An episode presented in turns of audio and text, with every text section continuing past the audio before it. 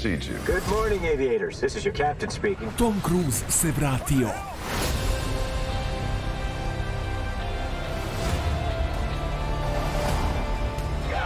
Top Gun Maverick u bioskopima od 25. maja. Ćao svima i dobrodošli u najnovije izdanje Lab 76 broj 2076. Šalim se 207, možda dođemo i 2076, a do tada gospodin Pavle Živković. Glavom i bradom i najzad u studiju ponovo. Prošli put sam bio u vodi iz sredozemnog mora. U, uopšte mi nije prijelo da ovo je mnogo bolje već. A, baš, baš mi te žao. Teško je bilo, mogu ti reći, ali ovo je sad, ovo je pravi ugođaj, ono je bilo naporno. Da, da, znam, znam, ono je, ba i on je pogled užas. U katastrofa. Ne Gledaš sebi, Monako, ne bih sebi tako nešto dopustio nikad. ne brini. Potrudit ćemo. Hvala ti, hvala ti.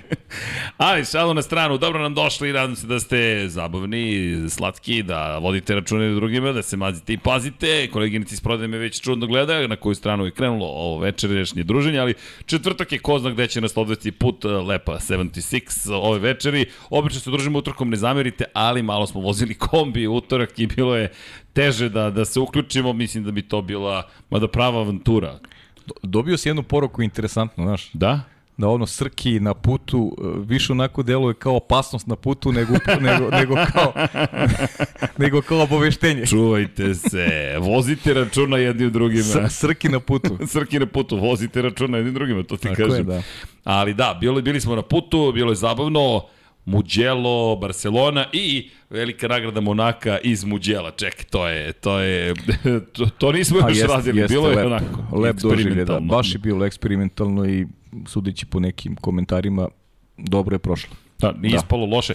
Bukvalno smo se organizovali u 5 minuta. Pa ja sam u 4.15 saznao da se ti uključuješ. E, Otprilike ja sam u Definitivno. 15 do 4 pisao, rekao, ljudi, prođe trka Moto E, vidim pada kiša, dobijam poruke, sram te bilo, ponovo si po čoveka pustio samog i slične kombinacije, rekao, ok, moramo nešto da uradimo po tom pitanju, ali ljudi, vi ste u sigurnim rukama, gospodin Pavle Živković, nema tu, dominacija je potpuna. Da, kroz kišu vozim lagano. Be, bez brisača.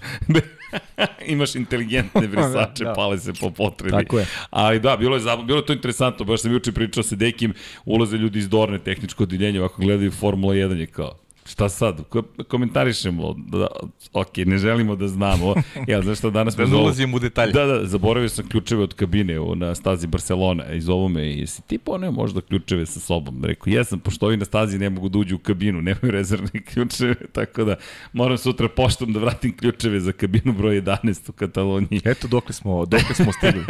Ali danas Kod, kod Srđana Erciga su, su ključevi. Čekaj, da li su mi ovde. Tamo ne može da se vozi ništa dok Ercig ne pošalje ključeve. I ostali ključevi od kabine nemaju rezervne. Jer, Sjajno. Piše mi jutro se ekipa iz Dorne. Kaže, Srđan, rekao, jes. Kaže, da li ti imaš možda ključeve od kabine? ne mogu da uđu u Kataloniju. Ključevi staze su kod gospodina Erciga. Rekao, poslaću vam ih putem vašeg e, partnera za, pošta, za brzu poštu.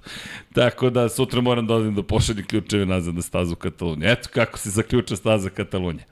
Da. Nije cijela, samo jedna kabina. A i oni zatvaraju stazu odmah posle trke. Mislim, malo da ostave. malo da Otvoren. se provetri, da, Da, se provetri, provetri. funkcioniše kako treba. Ali da, eto, bilo je zabavno, bilo je avanturistički, bilo je svega, bilo je svačega, uključujući i veliku nagradu Monaka. Pozdrav za Ivara Toško Milicu, Čigroni su ljudi uživo bili na stazi tokom celog vikenda, da. sreli smo se u Nici, tako da je to bilo super zabavno i sretati naše ljude. Ej, čao, gde ste, gde tu smo, Nica, neverovatno, aj se nađemo, popijemo kafu, šta god, tako da je bilo super interesantno. A trka sama po sebi Monako ko Monako, na kraju sam morao da vraćam da gledam šta se događa, Eon platforma i da vidimo šta se zbivalo, makar iz moje perspektive, pošto smo ostali bez struje. Ali u Monako, ko Monako. Početak Zaista trke, Monako. ali uvek je zabavno. Početak trke, štete što je bio letići start, pričali smo prošle nedelje. To je nedostajalo taj start iz mesta i trku je obeležila ta greška Ferrarija i što nas onako uvodi u priču u ono što nas očekuje Pa koliko sutra već, mi smo Pa u krećemo kabinama i krećemo sa treninzima. Da, malo drugačije osjećaj. Četvrtak je nekako, obično utorkom radimo, pa onda ima nekoliko dana do tada sada. Sutra ujutro već akcija kreće zvanične konferencije za medije. Naravno, osma trka svetskog šampionata je pred nama, osma od 22 i večita trka. Broj 8, Infinity Lighthouse, Zace vozi, jedna posebna trka. Idemo u- na ulice Bakua, idemo u Azerbejdžan i postavili smo pitanje da li Ferrari može da uzvrati udarac podsjećanja radi, posle tri trke bilo je 2-1 za Ferrari u pobjedama, posle sedam trka je 5-2 za Red Bull i kad god je Ferrari trebalo da zada udarac, dešavalo se nešto. Da li se kvario Ferrari pa je Charles Leclerc ostajao bez prve pozicije kao u Španiji, da li je taktika bila prosto pogrešna pa su gubili ne jednu, već dve vodeće pozicije u Monaku, to jest predali su preskočio je dva vozača Ferrarija, Čeko Perez. Dakle, ne jednog, nego dva. I to je nešto što se zaista redko viđa. Jednom sada se postavlja pitanje šta Ferrari, Pa, šta će Ferrari? znaš šta je moj utisak? Ti imaš mnogo nedefinisanih stvari u Ferrariju. To je, to je onako što je problem. Ajde, jedan kvar, dešava se kvar, pa onda dođeš u situaciju da, da treba taktički da, da podrediš trku uh, Charles Leclerc, neko ko ima polo poziciju, ko vodi u šampionatu, ti tu napraviš ne kiks, nego ono je, ne znam, ono je a, promašaj decenije, onako, onako glupost napraviti zaista neverovatno. A onda imaš i treći faktor Carlos Sainz, gde, gde ti u stvari vidiš momka koji e, ne prihvata da bude vozač broj 2 i to mu se a priori i ne govori. I to je nešto što su onako vezani, vezani problemi za, za Ferrari pred, pred Baku, gde, ajde da budemo iskreni, nisu prolazili najbolje tokom prethodnih sezona. Pa imamo i onaj, onaj onako poljubac sa ogradom Charles Leclerca i bilo je tu u, u, u trenucima kad je delovao da Ferrari ima potencijal u Baku da može napravi nešto veliko, dakle dešavale su i greške, ali meni generalno ta, ta, ta nejasnoća koja negde lebdi u Ferrariju kada, kada govorimo o toj, da kažem, kategorizaciji koja mora da postoji, jer, jer Leclerc je e, ove godine napravio samo jednu grešku i, i, i bolji je od dva takmaca. I bori se za titulu i ti moraš njemu da daš onako opštu podršku. A dolaziš onda u, u, u Monaku u situaciju gde imamo celu tu priču Sainca, neću da idem na zamenu guma, što povlači možda i e, neku, da kažem, nesigurnost tima, a, a, apropo taktike, pa se javlja ta greška vezano za Leclerc. Dakle, splet okolnosti e, s kojima se Ferrari suočavaju prethodnih godina. I na sve to imamo Matiju Binota koji, ja verujem da mi idemo u pravom pravcu, dakle nema nikakvih e, kritičnih stavova, već e, neka, eto, neka je njihova priča da e, sve u najboljem redu, idemo dalje, a nisam baš siguran da, da je u najboljem redu, pogotovo što idemo na mesto gde, gde bi po, po nekoj definiciji e, Red Bull trebao da ima prednost. Dakle, Matija Binotto koji je rekao zapravo da, što se njega tiče, ovo je veliki uspeh zapravo već sada za Ferrari, da plan uopšte nije ni bio da se bore za titulu, već da su zadovoljni onim što su to je postigli. spuštanje malo lopte, a Očekivanja, ne, nećem bih. se da, da, da se tako pričalo s početka godine. Pa da, i ne sjećam se da si nekada uspeo da pobediš kada tako pristupiš, pogotovo protiv ekipe kakva je Red Bull. Dakle, Red Bull je sada baš u naponu snage i ovo može samo da ih hrani. Dakle, da budu još sigurniji u sebi, da budu još agresivniji, kao što i jesu kao ekipa generalno vrlo agresivni. Ja mislim da treba da bude stav, idemo da pobedimo i ok, napravili smo grešku, ali moram pobedimo u narodnoj trci i da negde, ok, staviti pritisak eh, ovaj, pred svoje vozače, ali pokazati smernice drugima eh, da im neće biti lak posao naprotiv, da Ferrari i dalje drži uzde, a, a ta odstupnica, meni se lično ne sviđa ta vrsta odstupnica, ali dobro, to je sad možemo da analiziramo i da, da tumačimo na, na različite načine. E, U svakom slučaju to je najveća priča, makar ja mislim, ne znam da se slažeš, negde smo diskutovali o tome, ali i pričali smo o tome da li Ferrari, ja sam htio da postavim pitanje da li je to to, da li je ovo kraj za Ferrari, nije kraj, prerano je, ti si lepo rekao. Pa ne, prerano, zaista je Tek je prerano. trećina sezone završena, ali pa je, ovo je sada već ozbiljna situacija. Ti Al- si sada u situaciji gde koliko, četiri trke za redom imaš pobednika koji dolazi iz iste ekipe. i, i znaš zbog čega? Vraćamo se na onaj period Sebastijana Fetela i Ferrarija Fernanda Alonsa, što, što nisu koristili šanse kad su trebali da ih koriste. Jer Ne mogu da se ne podsjetim tih, eh, tih situacija i neko se Ferrariju, liči. da Ferrariju se to ponavlja. I to ne samo protiv Red Bulla. Pa, Pa- da li protiv Mercedesa, Mercedes- da li protiv da- Red Bulla, ti stalno imaš istu Da, situaciju. nebitan je rival. Znaš, ne, ne sećam se ovako velike greške, da, sjećam se u stvari, sjećam se velike greške Red Bulla i su tada osvojili titulu kad je Fernando Alonso pobedio u Silverstonu, čini mi se, kada je, kada Ferrari. je, kada je, Kada je Ferrari, vozio za Ferrari. kada je vozio za Ferrari, kada je napravio grešku Red Bull u, u, u garaži Sebastino, u, u, pit lane-u Sebastinu Fettelu, ali Vettel je tad, to je bila jedina pobjeda Ferrarija te godine. Jeste. Ali se ne sjećam tako krucijalne greške u situaciji kada se bore za titulu. Gre- Greške koja je stvarno taktički nedopustiva na stazi kakva je Monako. Jer ti si direktno uzeo svom vozaču pobedu. Bukvalno si mu uzeo pobedu. I nešto si mu uzeo pobedu, nego on nije bio čak ni na postolju. Ne znam, o, o, ozbiljna greška, ozbiljan kiks. I kiks koji se sada prenosi na stazu koja je trebalo zapravo da bude nastavak Monaka, zašto? Jeste, bit će veoma brza, Bo- Baku će prvi i drugi sektor biti izuzetno brzi, imate oštar skretanja pod uglom od 90 stepeni, malo kasnije ćemo možda i da prođemo stazom, vidit ćemo ako sve postignemo, ali ono što je činjenica jeste da je treći sektor zapravo bio neka vrsta replike onoga što se događa u Monaku. I videli smo prošle godine Ferrari, Charles Leclerc je prošle godine osvojio pol poziciju u Monaku, nije startovao prvi posle, jel te, problema Jeste. sa kvarom bolida, a potom je u Baku ponovo osvojio pol poziciju, iskoristio je zavetrinu zapravo u to vreme, ne mogu se setiti tačno koliko vozača, mislim da je Mercedes pratio, ali je došao do pol pozicije u tom Ferrariju. Nekako se nastavljala priča, pogotovo što je ulična trka, bez obzira na različite konfiguracije, pričali smo opet, ok, ovo je dobra priprema za Baku, pri čemu imaš, imaš Španiju, hvala Vanja, evo ih ti sektori 1, 2 i 3, staza koja je dosta dugačka, 6003 metra, izuzetno je brza, inače najmekše gume izabrao Pirelli, dakle C5, C4 i C3, Biće zanimljivo iz perspektive toga kako će se ponašati te gume, ali ako obratite pažnju na abrazivnost asfalta, vrlo je niskog nivoa abrazivnost asfalta ovde. Prijanjanje je takođe nisko, pa eto, to može eventualno da pomogne. Razvoj staze u kontekstu prijanjanja je maksimalan. Dakle, od prvog treninga do pod do kvalifikacije će se mnogo ubrzati stanje na stazi, pošto je to opet ulična staza, ali ćemo eto voditi računa da vidimo o tome da li će gume igrati neku kritičnu ulogu, mada ja ne vidim iskreno posle svojih o, sedam trka, meni se čini da su oni apsolvirali sada upravljanje ovim gumama u 2022. Nažalost, ali tako je. 51 krug i onda se stvari svode u velikoj meri na kvalifikacije. I naravno opet DRS zona i preticanje na tom dugačkom Pa pravcu. da, ali ovde ima gde da se pretiče. Ima gde da se pretiče, za Ima razliku od Monaka. Ima gde da se pretiče i taj duge, dugačak pravac, rekao bih, ja zbog njega i, i dajem blagu prednost Red Bullu u odnosu na, na, na ekipu Ferrari. Ne znam, ja se iskreno nadam da nešto može da se desi pozitivno u kontekstu toga da ćemo zaista dobiti uzbuđenje. Moram da spomenem Mercedes. Iako je glavna priča o Ferrariju i Red Bullu, ako pogledamo, imamo tri pobednika u prvih sedam trka. Imamo Maxa Verstappena, imamo Charles Leclerca i imamo sada Serhija Pereza. To su tri pobednika, samo dve ekipe. Čeko Ferrari dolazi na stazu da je pobedio prošle godine. i gde je bio veoma dobar čak i u vremenu Force Indije. Prošle godine iskoristio priliku kada je pukla guma Maxu Verstappenu, kada je Lewis Hamilton napravio veliku grešku sa startne pozicije 2, iako je pretekao Pereza u tom poslednjem startu na kraju trke, napravio ručuvenu grešku sa magičnim dugmetom, produžio pravo, ostao bez bodova, jedno od važnijih situacija, zapravo greška koja ga u velikoj meri koštala i veće šanse da postane šampion sveta. Neću reći i titule, ali svakako veće šanse. Jeste, ali Čeko vozio sjajnu trku jer je on nekako čuvao leđe, da kažem, Maxu Verstappenu. Polemisali smo dosta prošle godine oko te trke i način na koji je Max Verstappen izašao, izletao pa, praktično sa staze, ali je Čeko držao Luisa Hamilton, Hamilton koji nije mogao da prestigne Čeka Pereza, zaista je to bila sjajna trka. Ferrari Jeste. uz pol poziciju definitivno na pravcima nije mogao da parira situacija sada nešto drugačija i mislim da, da, da i dalje gl- gledamo tu vrstu bitke. Red Bull, Ferrari. I opet ona priča kao pred Monakom. Ferrari mora da uzvrati udarac, ali će im biti mnogo teže nego u Monaku.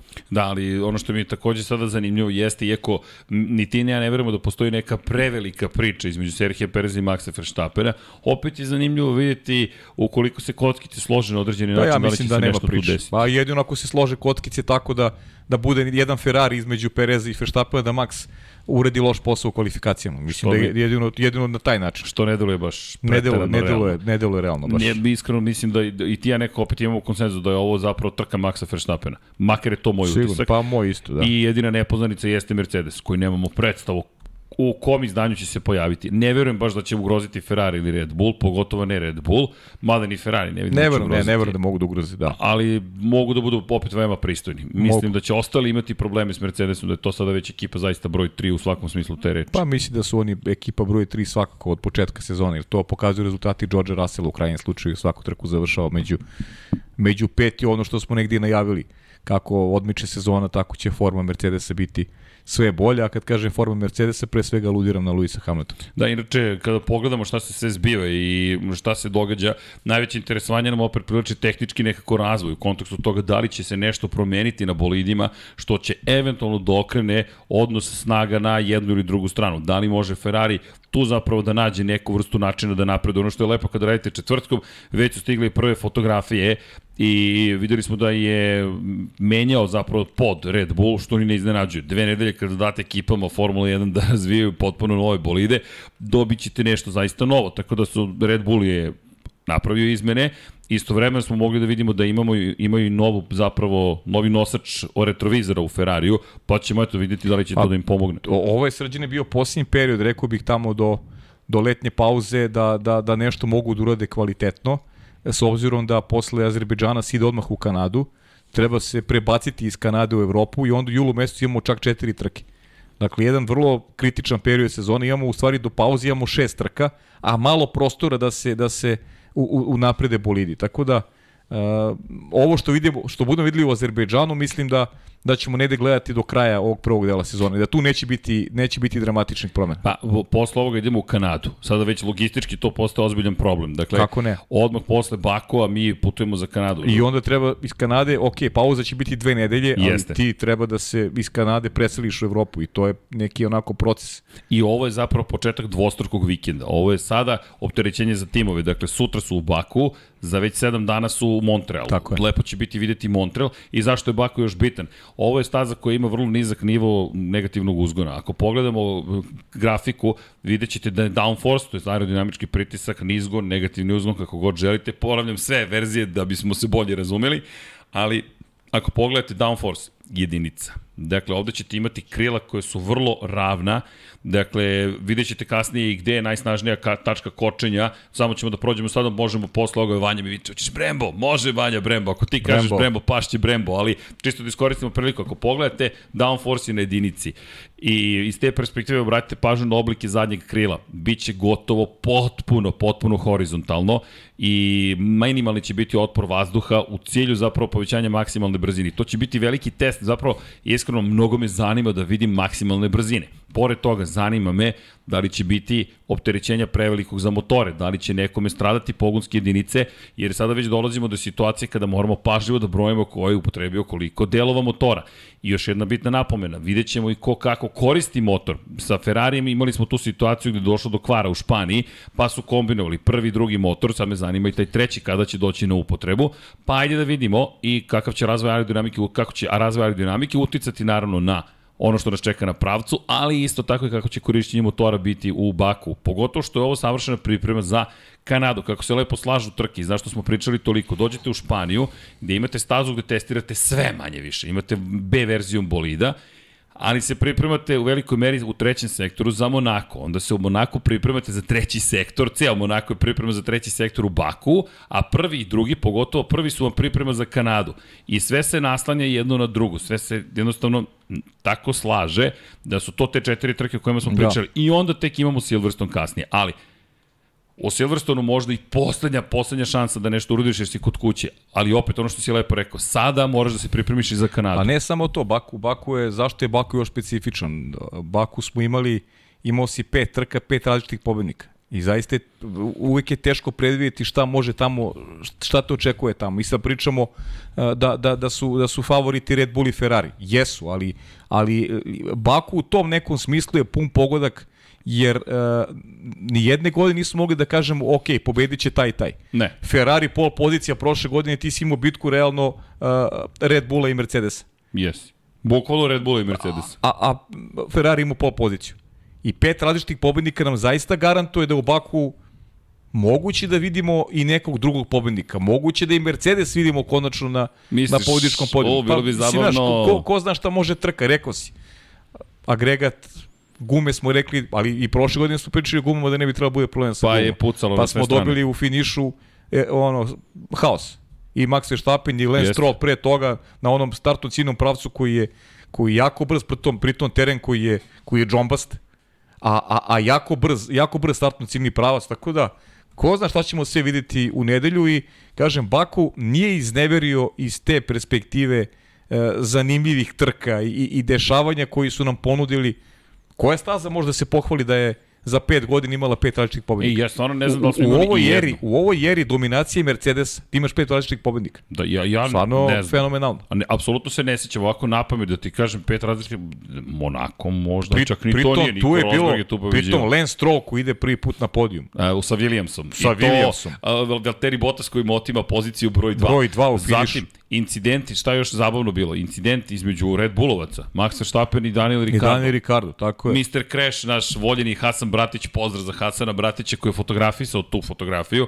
I imali smo tu fotografiju, dakle njih dvojica koji su tu udre. Prošle godine, eksplozija gume, zatim magično dugme za Luisa Hamiltona, Tako zatim je. Force India koja jel te, ima potencijalnu pobedu u rukama pa dolazi do kontakta između Estebana Okona i Serhije Pereza. Imali smo situaciju da, da smo gledali Valterija Bottasa takođe kako pobeđuje. Pobeđuje Zaboravite. Ricardo pobeđuje. Da, I, i, i, i, i, to posle Nika Rosberga koji je otvorio i pobede. pazi, šta je priča samo? Pet različitih pobednika i pet različitih osvajača pol pozicije.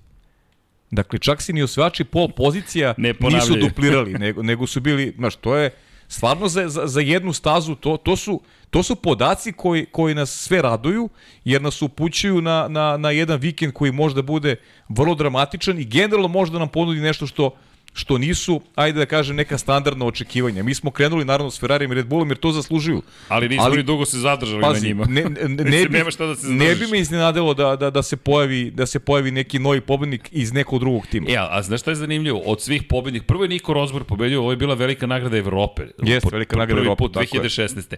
Onda je pobedio Daniel Ricciardo u Red Bullu 2017. godine.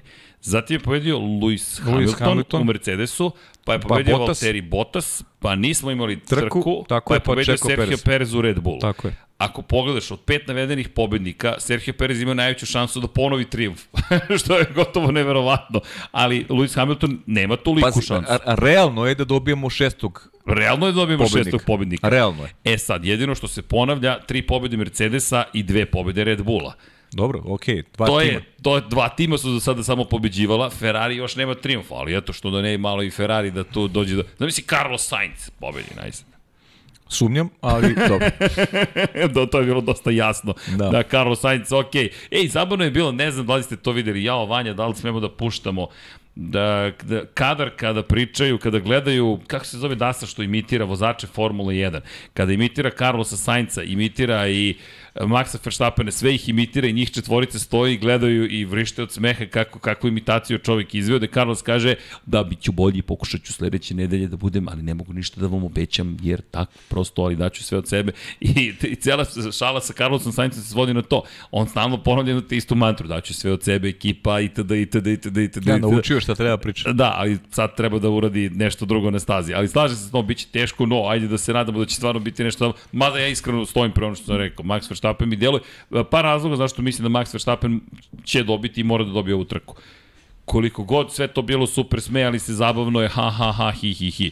Max Verstappen je čovjek koji, koji želi da pobedi, da osvoji titul da bude dominantan, dominantan vozač u Formuli 1. Samim tim ne može da dozvoli ne samo Charlesu Leclercu, nego sada ni Sergio Perezu, pogotovo ne Sergio Perezu da slavi. Kako to najbolje da uradiš pa da pobediš? Dosta zvuči Pa jednostavno. dobro, ono što nas je naučio tokom prethodne godine, kad god je morao, on je pobeđivao, manje više. Tako da... Deluje I- da je negde to... se negde se slažemo negde se slažemo ovaj sa sa ocenama, ali moram ti kažem nešto. Ja Da. ne bih volao da se to dogodi. I i zbog toga ću ja da tipujem ovaj na Charles Leclerc. Opa! Jer, jer iskreno ti kažem, volao bih da se to dogodi, jer, jer mislim da, da, da je dobro za šampionat. Da ne bi bilo dobro da, da sada Ferrari posustane, jer onako uvodi nas opet u neku, u neku, drugu, neku drugu priču. I stvarno mislim da je e, pro, i prošle godine sam ja onako volao da balansiram zbog zbog e, zanimljivosti šampionata i negde e, cenim da, da bi za, za sezonu bilo dobro da Leclerc pobedi u nedelju. A kažem, eto, rekao sam šta, šta mislim da će se dogoditi, ali ovo je, ovo je ono što želim. Da, dakle, da bude pot, da, da se opet stvari preokrenu. Ali Pa daš, mislim, nisam siguran da bi se do kraja preokrenule, ali bi e, dale taj impuls koji je potreban Ferrariju da, da ostane na istom kursu i da im onako da im se ne vežu onako ruke kao što to bio slučaj ranijih godina kada su posle jednog kiksa nestajali, nestajali iz sezone. Da ne posjećamo sada na Moncu, da ne posjećamo neka ranije vremena, oni su baš znali da da sa jednom promašenom temom da, da, ih, da ih to uvede u, u, u niz grešaka koje su, koje su uticali na Fernando Alonso i kasnije, pogotovo, rekao bih, na Sebastiana Vettel. Ja, znaš šta, ja gledam ovaj period koji je iza nas. Dakle, izuzimam Mada, ti ako pogledaš od Imola od greške Charles Leclerc, nešto se do, dešava, stalno se nešto dešava sa Ferrarijem. Ferrari imao prve dve startne pozicije u Majamiju. Nije ih iskoristio. Jeste. Ferrari imao prve dve startne pozicije u Monaku. Nije ih iskoristio. To postaje sada ozbiljan problem. Ja i dalje mislim da je cijelo rešenje u rukama Carlosa Sainca i Matije Binota. Jeste, da ja se slažem. i da kažu, Carlose, ovo je zadatak. Ne, nije tvoj... Carlos je sada na 84 pojena. Teoretski, može on još mnogo toga da postigne, ali ja duboko verujem da su oni već morali da povuku taj potez. To Pa nije prerano. što se vidi da on nije, on nije kalibar eh, Izvini, Charles Leclerc. Koliko pol pozicije ove godine ima Carlos Sainz? Nema ni jednu. Koliko pol pozicije ima u prvih sedam trka Charles Leclerc? Pet pol pozicija. pet pol pozicija, a koliko puta je pobedio? Dva puta. Dva puta je pobedio. Ti u savremenoj eri Formula 1 nisi baš imao situaciju da neko ima pet pol pozicije i samo dve pobjede. I to mnogi od tih, mnogi. Nekoliko njih je bilo vrlo dominantnih. Do, zaista. Vrlo do, I to u situacijama kada je pravio i greške, pa posljednji krug mu je bio kvalifikacioni, pa ga on odradio fenomenalno. Tako da, e, Charles Leclerc napravi jednu grešku ove sezone. I to je ona u Imoli. I, i bukvalno I, je to i jedina greška. jednu jedinu grešku nije napravio. Ni jednu grešku. Ima dominantan bolid, ali eto, ima jedan kvar, ima glupost ekipe i sve toga košta, jer s druge strane Max Verstappen, kad mu se ukaže šansa, on, je- on je iskoristi. Max Verstappen čak i u Monaku gde opet, znaš, ti imaš dva vezana Maxova izdanja koja stvarno nisu, nisu bila dobra. U, Jedno je u, jednoj pobeda. trci je pobedio, u drugoj je bio treći. Jednostavno. A ti re, real, realno nije bio, znaš, nije to nek, neki, nije njegov nivo, realno. Nije. Nije njegov nivo. Pobeda i treće mesto. E, e, upravo to što si rekao, tako se osvoje titula. Tako se osvetio Kada to. nisi pravi, ti si na podijum ili si pobedio. Pa, Pet završenih trka, četiri pobjede na trećem mestu. To je to. I još je treće mesto od njegov loš plasman. Pa, pa Pazi, ništa. Loš plasman, treća Ništa. pozicija. A, a to je fenomenalno, ti si podigao pehar. Ti si bukvalno podigao pehar i povećao prednost u I šampionatu. povećao sveta. prednost u šampionatu. Sad imaš Tako je. 9 bodova prednosti. Da, Čeko je slavio, ali ok, slavio je Perez i to je to.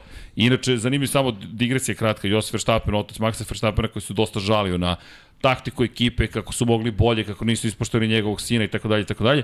Oglasio se Christian Horner, Christian Horner koji je rekao ovo nije priča, ne postoji Sergio Perez Racing, ne postoji Max Verstappen Racing, ovo je Red Bull Racing. I ono što je najbolje za ekipu, bit će urađeno. Ja ni ne vidim šta su oni mogli drugo. Prvi to, to je bila lutrija. Da se, da je druga, da se drugačije završilo, da li bi rekao što ste Maxu dali moju taktiku. Ali to je tata, tako da to, to možemo da zanemeno. Da, ali je na kraju priznati iznudio da me, odgovor. Da me to malo Hornera. iznenadilo, iskreno. To me u celoj priči me to najviše iznenadilo, jer e, ne vidim razlog za, za reakciju. Ne vidim razlog za reakciju i to je možda, možda čak i ta reakcija je najviše dovela do nekih polemika na temu da li sada Čeko može nešto više, jer zaista mi nije jasan, jasan taj potez Josef Verstappen, jer, jer ako on smatra da treba da na taj način vrši pritisak na ekipu koja je sve uradila prethodnih godina da, da stane u službu Maxa Verstappena, da njega protežira, mislim, ma, malo je, moram priznati da je malo čak i neukusno. Pa, Da on na taj način vrši pritisak na ekipu koja je apsolutno uz Maxa. I to ne da je uz Maxa, mislim da, nego mislim, je mislim da ne treba, da ne treba ta vrsta pri, pritiska. Ili, ili je mogo da uđe da, onako na nekom, da kažem, sastanku internom da kaže ovaj šta misli ili Kristijanu Horneru ili bilo kome od njih, a da, da, da ne priča o tome javno. Mislim da, e, imam utisak da čak ni Max da nije baš zadovoljan reakcijom svog oca. To je neki moj utisak. Pa mislim da to samo može da utiče negativno iskreno na celu priču. Pri čemu stvaraš nepotrebni animozitet čak i u publici.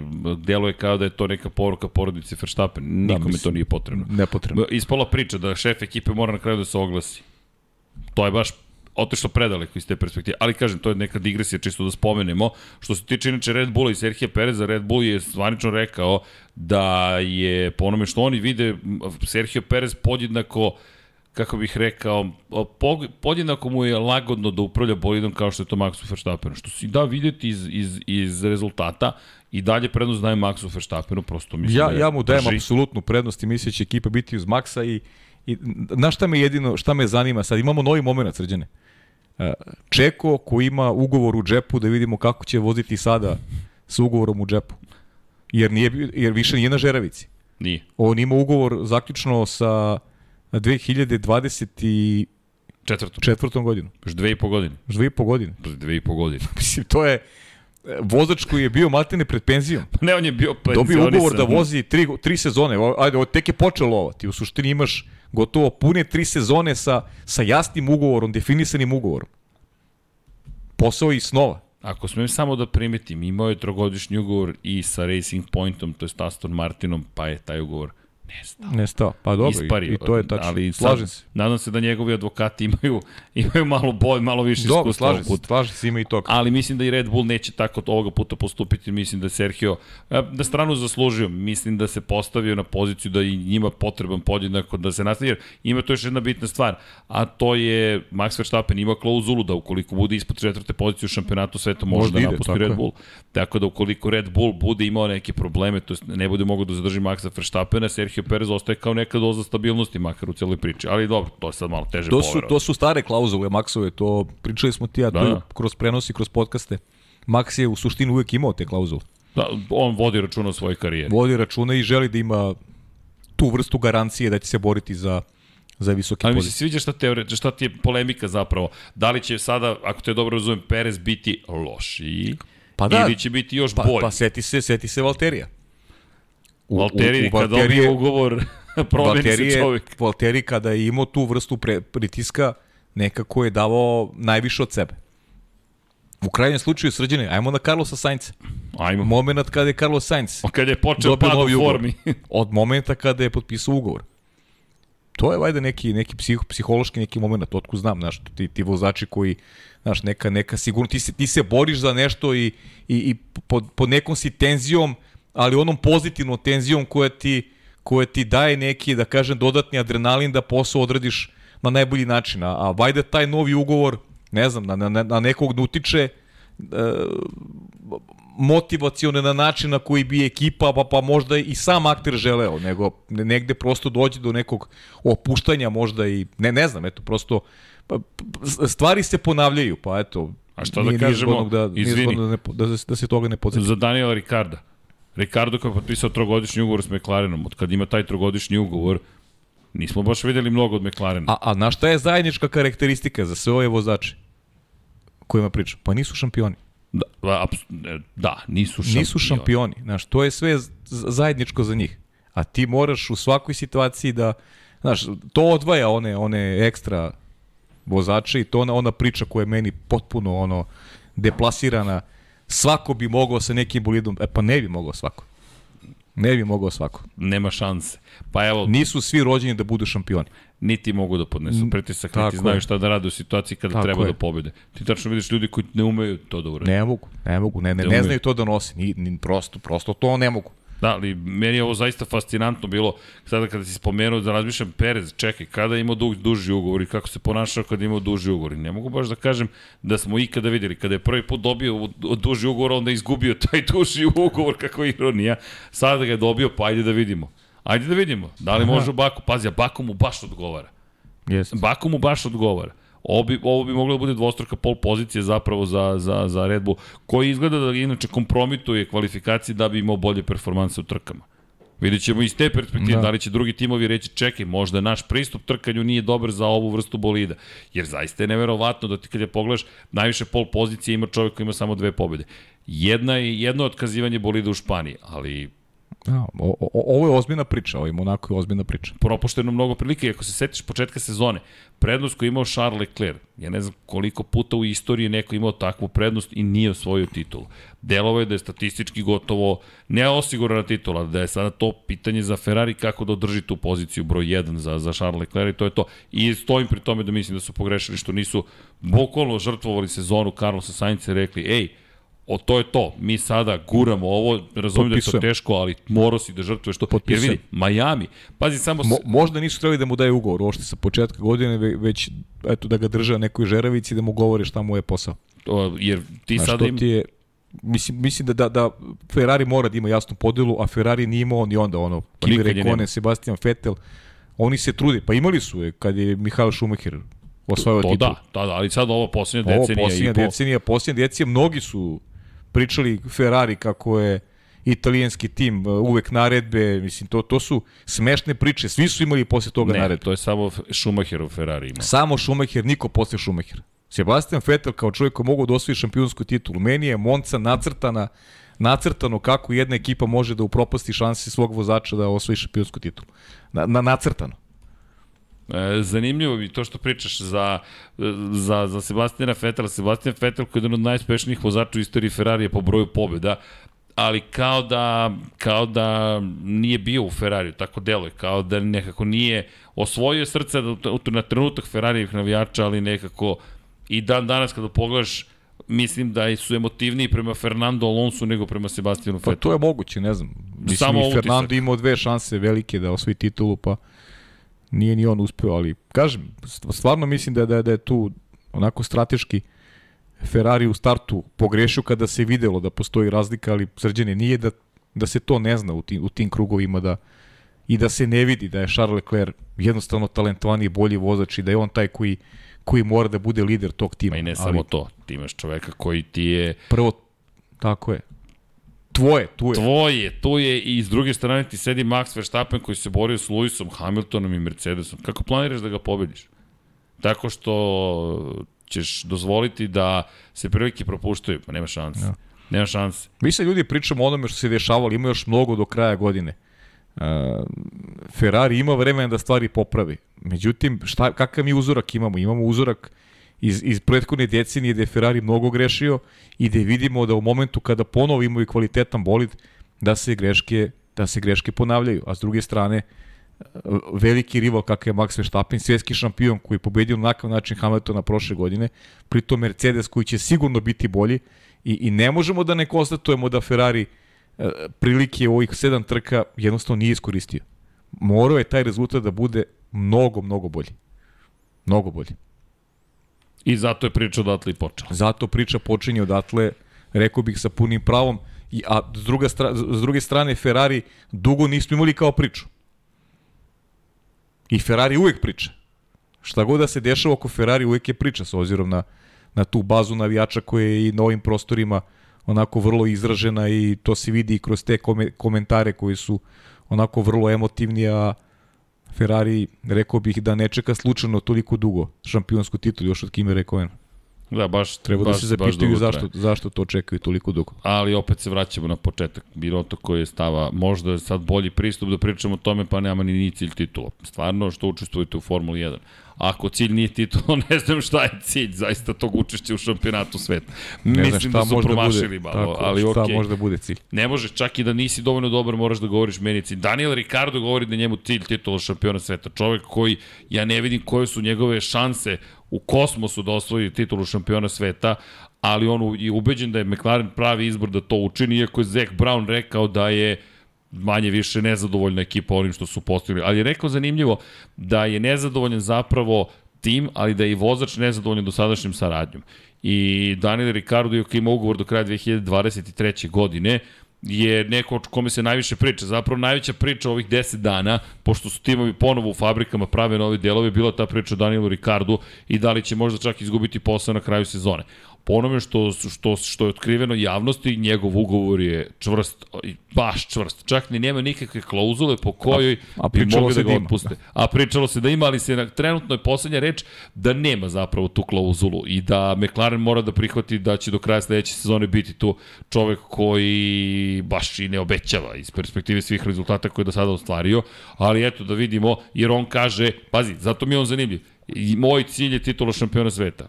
Ferrari ne kaže to, iako ima mnogo veće šanse da dođe do titule prvaka. Ali ok, pretpostavljam da to stvar pristupa koju imaš, koju nemaš. Da, u, bio je loš u Monaku, na stazi gde je pobeđivao, sad ide na novu stazu gde je pobeđivao Ricardo, pa da vidimo da li je ova pauza od dve nedelje prijele. Mislim, pričati o, o, o kvalitetu njegovom je izlišno, ali ono što pruža Nije dobro. čak i protiv bolesnog Landa Norisa koji se muči sa krenicima, sa upalom, vidi se po njemu da da onako deluje izmučeno. Ali opet je opet je bolji od Ricarda. A on to mnogo bolji. i u Španiji i u Monaku. Tako je. I u obe, oba navrata je bio bolji. Pri čemu je Carlos Sainz bio taj koji je pobeđivao Landa Norrisa u njegove prve dve sezone u Formuli 1. Čisto da se podsjetimo, Jeste. Carlos Sainz je sedeo u tom bolidu i onda je otišao u Ferrari i bio zaista dobar u Ferrari u prvoj sezoni. Jeste. Tako da, to, apropo, to, to mi sve nadovezuje se na tvoju priču o ugovorima. Izgleda da nekim ljudima zaista ne treba davati ugovor pre vremena. Da je bolje da malo se sačeka ipak sa tim ugovorima, onda su, izgleda, efikasniji. Pa Ajde da me, tako ta, ta, tako mi deluje, zaista. Mm, ali dobro. Saznaćemo naravno sve u, u Baku šta će da uradi McLaren. McLaren koji očekujemo opet da nastavi sa razvojem.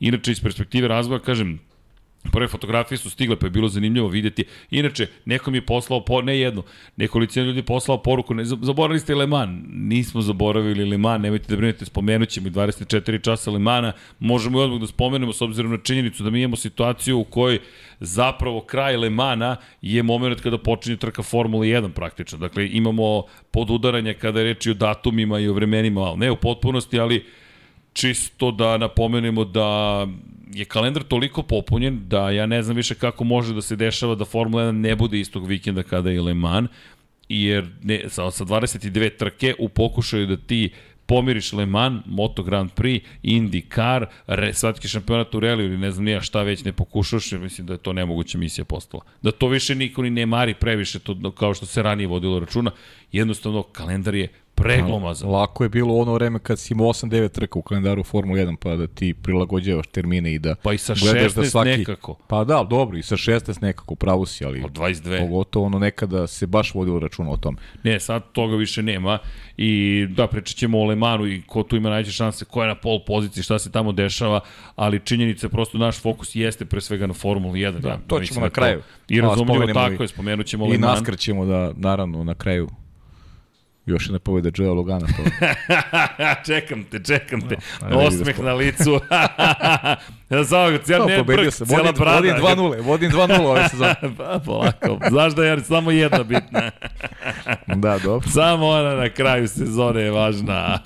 Za one koji ne znaju, gospodin navija za Joya Logano. Tu imamo čak i navijačke strasti. Imamo ti, ja smo se tu opredelili od prve trke. Nama Martin beš- Truex junior za mene, ti, ali pazi, dobro ste, zaista ponovim, dosadan sam možda, ali meni je to i dalje nevjerojatno. Gledamo prvu trku, gledamo, ne, ne znam da li nismo, to. ma realno nismo pratili, realno, da budemo iskreni. Pratili smo ovlaš, tipa ko je svoj titul Ma, i to da. je to, ali da, da, da uđemo u istoriju i seća se priprema za tu prvu trku. Šta smo mi sve pročitali, kako oni zapravo kako su oni zapravo pekli rakiju, pa švercovali alkohol, Alkohol, pa su da. koristili automobile koji su koristili za švercovanje alkohola za trkanje. Pa su te vozače koji su koji su ovaj pritvoreni, pa su ih vlasnici vlasnici ovaj vadili iz zatvora i, i uvodili ih u trke i tako dalje. Ali to je Moonshineri, čuveni. Moonshineri, bukvalno, i onda razmišljam, ali taj termin moonshining, koji na ovim prostorima, kako crni moonshining, pa ne peče se rakija po, u pola noći po svetlosti meseca, znam, ko čovjek pošten pečeš rakiju u svom dvorištu. a negde u Americi neko se krije i čeka svetlost meseca, zato se zovu moonshineri, jer su rakiju, to je alkohol Onda smo, pravili. onda smo u, Pa dobro, ali Ne, da veze. često spomenem to kao šta ti je istorija automotosporta, nego distil, destilaciju vršiš u pola noći, otprilike i kriješ se od policije, a onda voziš i onda ideš da voziš trke jer si je neko platio kauciju da bi ti kao švercel alkohola mogao da se trkaš. Potpuno bizarno, ali seća se toga i onda smo gledali kao čekaj, ajde, ovo bude zanimljivo, oni navijamo ni za koga u Formuli 1, u Moto Grand Prix, itd. Ajde, biramo. Ok, Joy Logan. Ajde, ovaj, ovaj, ovaj mi je zanimljiv. Martin Truex. Ajde, ajde. I... i obojica postali šampion. Opa, kad smo mi počeli da ih podržavamo. Nisu ni svesni zašto su postali šampion. Jeste, da, to je to 2015. godina, da, da zvaćemo njihov management, javite se, očekujemo Lab 76, jedna nalepnica, bit će sasvim u redu negde. Neka majica neki. Ja što mi Deki poslao, izvinjavam se, ali Deki mi je poslao, imate, inače, od Mihajla smo dobili da je na Red Bull ringu čovjek vozio za vikend i, i, i, i, i sa nalepnicom Lab 76 je bio u kabini i stoji Lab 76 na snimku iz kabine i fenomenalno izgledalo i vozio je 2.13.794 niko ni- nije vozio u Twingu ispod 2.14 ali eto Lab 76 i Mihajlo imaju jedan mali Bravo, rekord sjajno. negde na Red Bull ringu tako da da se zna Super. Doći ćemo posle. Hvala. I Super i hvala. Hvala Mihajlo, zaista, hvala. I doći ćemo posle do fantazija, te takmičenja čuvenog. Koleginici iz prodaje, znaš kako sedi? Ka, Jedva kao čeka. da, da, čeka, ona čeka samo tu temu. regalni stav, stav Kao, gde ste vi, a gde sam ja? Znaš, momci. da vam mahnem ovo. Gde Da, ste da, vi, a evo gde sam ja? kraljica britanska, engleska, slavi tamo ljubi bila, e, koleginica ovde u tom stavu, ali dobro, sve u redu. Pobedit ćemo. Polako, Kao napredujemo. Ricardo smo, idemo do Polako. titule. Ovo je maraton, što bi rekao Luis Hamilton. Ups, krug kasnije, ups. A, bez dobacivanja, molim vas, u studiju. Ko je dobacio za stolom? Snima se. Ko je dobacio za stolom? E, da, Gde smo ono stali? Gde smo stali? Pa kod Daniela Ricarda malo smo to da. Da. dokačili te teme. E, apropo ostalih timova, ja mislim da možemo sada posle trećine sezone da zaključimo da se suštinski, kao što smo negdje najavljivali, ništa promenilo nije u odnosu snaga između velikih timova i Nije, da. srednje, jakih i malih timova. Jednostavno, to će uvek tako biti. Možemo da menjamo pravilo 6000 puta. Bron Grand Prix se desi jednom u tih 70 godina i to je to. Zato je to anomalija, to jest izuzetak i zato će to tako i ostati. A ove godine Pierre Gasly rekao da je zapravo tužno, vozač Alfa Tauri, tužno stanje situacije u kojoj ti zapravo ne vidiš promenu, a trebalo je da je donese, ali m, ima i dobre teorije koje je izneo Autosport, dakle o, o priči o težini bolida, ali to su sve absolvirali u Lab 76. Da, ljudi, to su preteški bolidi, preveliki bolidi, i super su stabilni istovremeno u odnosu na težinu koju posjeduju, baš je bilo poređenje sa Indikarom, to ne vidim da će se u skorije vreme promeniti dokle god imamo toliki negativni uzgon, dokle god su tako zalepljeni bolidi, vrlo je teško da će doći do to ponovno do tog nekog sistema u kojem vozač igra mnogo veću ulogu nego što trenutno igra. Jednostavno, Bukvalno. bolid je taj koji igra glavnu ulogu, Ferrari, Red Bull su radili najbolji posao, najveći timovi, Mercedes, pogledajte samo Mercedes koliko je pogrešio, šta, Lewis Hamilton je odjednom, odjednom loš vozač, teško. A da, ali, ali o, o, šta je izazov Azerbejdžani? Zašto pričamo o Baku i možda tražimo i, i neki, neku priliku da, da se možda, možda stvari i drugačije odigraju nego što bio standard. Uh, brza je staza, značajno brža od Monaka, pritom blizina su, uh, zidova, Zidova, zidova. nam je donela mnogo kontakta u prošlosti. Uh, setimo se timski kolega Okona i, i uh, se, Čeka Pereza, ona čuvena trka gde smo negde smatrali i, i dan danas mislim da je Force India imala šansu da pobedi, da je bilo malo više saradnje između dvojice vozača. Govorio si o, o Ricardu i Verstappenu. Setimo se Sebastijana Vetela i Luisa Hamiltona. Onaj čuveni incident iza vozila bezbednosti njih dvojice. Tako da je bilo, setimo se Charles Leclerca i, i, i njegovog Zida. problema, njegovog zida. Tako da, brzina staze u, u, u, po znacima navoda saradnji sa, sa bliz, blizinom zidova možda nam donese da nam, da, da nam trku onako učini dodatno interesantnom i stvarno mislim da, da, da, da možemo da vidimo jedan e, spektakl kakav i ne očekujemo jer, jer e, kažem ti u, u pogledu onoga što smo što smo posmatrali u prethodnih pet godina tačnije prethodnih pet sezona e, u Baku trke su bile zanimljive I to Baku možda odvaja uh, od nekih staza koje su dobile mesto u kalendaru u minulih 10-15 godina, jer Baku do sada nije razočarao ni u jednoj situaciji. I ja se zbog toga radujem o- ovom, ovom trkačkom vikendu jer smatram da možemo da očekujemo nešto slično. I... A bez obzira što budućnost Bakua nije ovaj sigurno u kalendaru iz mnogo sada da kažem e, okolnosti vezano i za za budžet, ne- nezadovoljstvo generalno i novih vlasnika sa slabijom posjetom u Baku smatraju da se i grad, da se država ne odnosi prema Formuli 1 na pravi način, da ne postoji e, dovoljno interesovanja i, Baku bi vrlo lako mogao da izgubi mesto u kalendaru, a, a koliko se ja sećam, mislim da, da su oni ugovorom vezani još za, za sledeću sezonu. Ali, znaš, šta, znaš kako ovo meni izgleda? Ovo meni sve izgleda kao klasični pregovori, ponovo. Jednostavno, Formula 1 trenutno uživa neverovatnu popularnost. Neprevaziđenu popularnost u poslednjih 10 godina. I to se osjeća na svakom koraku. Evo sad ovo mi je bilo zanimljivo iskustvo da odem prvi put na stazu koja je zaista osetila Formula 1 ove godine. Pa evo, Katalunja, staza Katalunja izgleda drugačije. Izgleda mm -hmm. drugačije. Znaš koliko je investirano u sređivanje okoline staze, same staze, delova medijskog centra, ti vidiš da je ozbiljan novac u igri. Ali zaista se osjeća pobedničko postavljanje je unapređeno, novi monitor je stigao, to deluje kao sitnica, ali ljudi, verujte, investicije u stazu su povremene povremene i kada se dese, to se ne dira narednih 10 godina. Da, Ti- Formula 1. Formula 1. Tačno Mhm. se vidi Formula 1. Pazi, Moto Grand Prix koji ima ukupno 115.000 ljudi za prethodni vikend u Kataloniji. Mhm. Dve nedelje posle Formula 1 gde je bilo 278.000 gledalaca. A Barcelona je uvek važila za stazu, za mesto gde će biti više gledalaca motociklizma nego u Formula 1. Pa u krajnjem slučaju Španci u motociklizmu u prethodnih godina su prilično dominantni Jeste. i na taj način onako publika naravno se vezuje za u šampione, za šampione koji dolaze iz njihove zemlje. Ina, inače, više je ličilo na veliku nagradu Francuske, to je rekao pobednik Moto Grand Prix trke Fabio Quartararo, pošto je mnogo ljudi sa juga Francuske koji je blizu došlo da gleda trku. Ali fascinantno mi je bilo da, da videti stazu koja, inače u Španiji i Italiji uvek je vladalo ogromno interesovanje za motociklizmom, sada to nije slučaj. Formula 1 je ta koja odjednom odnosi pobedu na svim A frontovima. dobro, u Italiji logično. E, Ferrari, opet u Španiji imaš vozača koji vozi za Ferrari, I imaš i da- a Fernanda Alonsa, a nemaš ovdje, legendu. nemaš Markeza, nemaš, Nemaš imaš Rosija. stvari ko da ga nema, a Valentino Rossi koji ne vozi, tako da sve to, pa to ono što smo rekli, ličnosti, oni, oni prave priču. ličnosti. I sad, šta me dovodi do Bakua?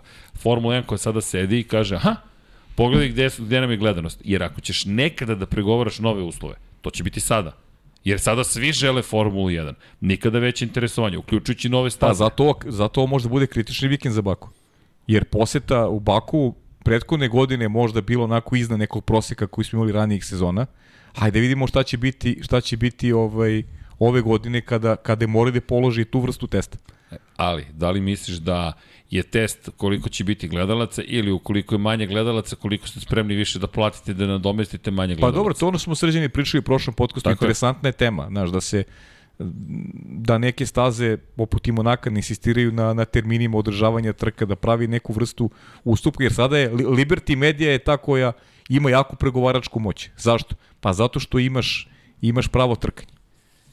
I, i, i, i, možeš, I možeš da biraš, možeš da određuješ da kažem cenu i da, da je diktiraš u krajnjem slučaju i da na taj način ovaj negde uslovljavaš uh, organizatore da prave neke ustupke koje možda ranijih godina nisu morali, nisu hteli kako god da prave, sada će morati jer, jer je postalo prestižno imati uh, trku Formula 1 u ovakvim okolnostima. M je prestižno, M imaš prava rivalstva, M si dobio situaciju da se trkanje nastavilo u 2022. godini. Otud i ona priča tvoja zašto ne bi volao da pobedi Max Verstappen već Charles Leclerc, da se nastavi ta neizvesnost, jer lepše je kad imate pune tribine, mnogo Lepše. drugačije osjećaj. Lepše, I lepše je kada ne znaš ko će da pobedi. bukvalno. I lepo je bilo što je Sergio Perez pobedio.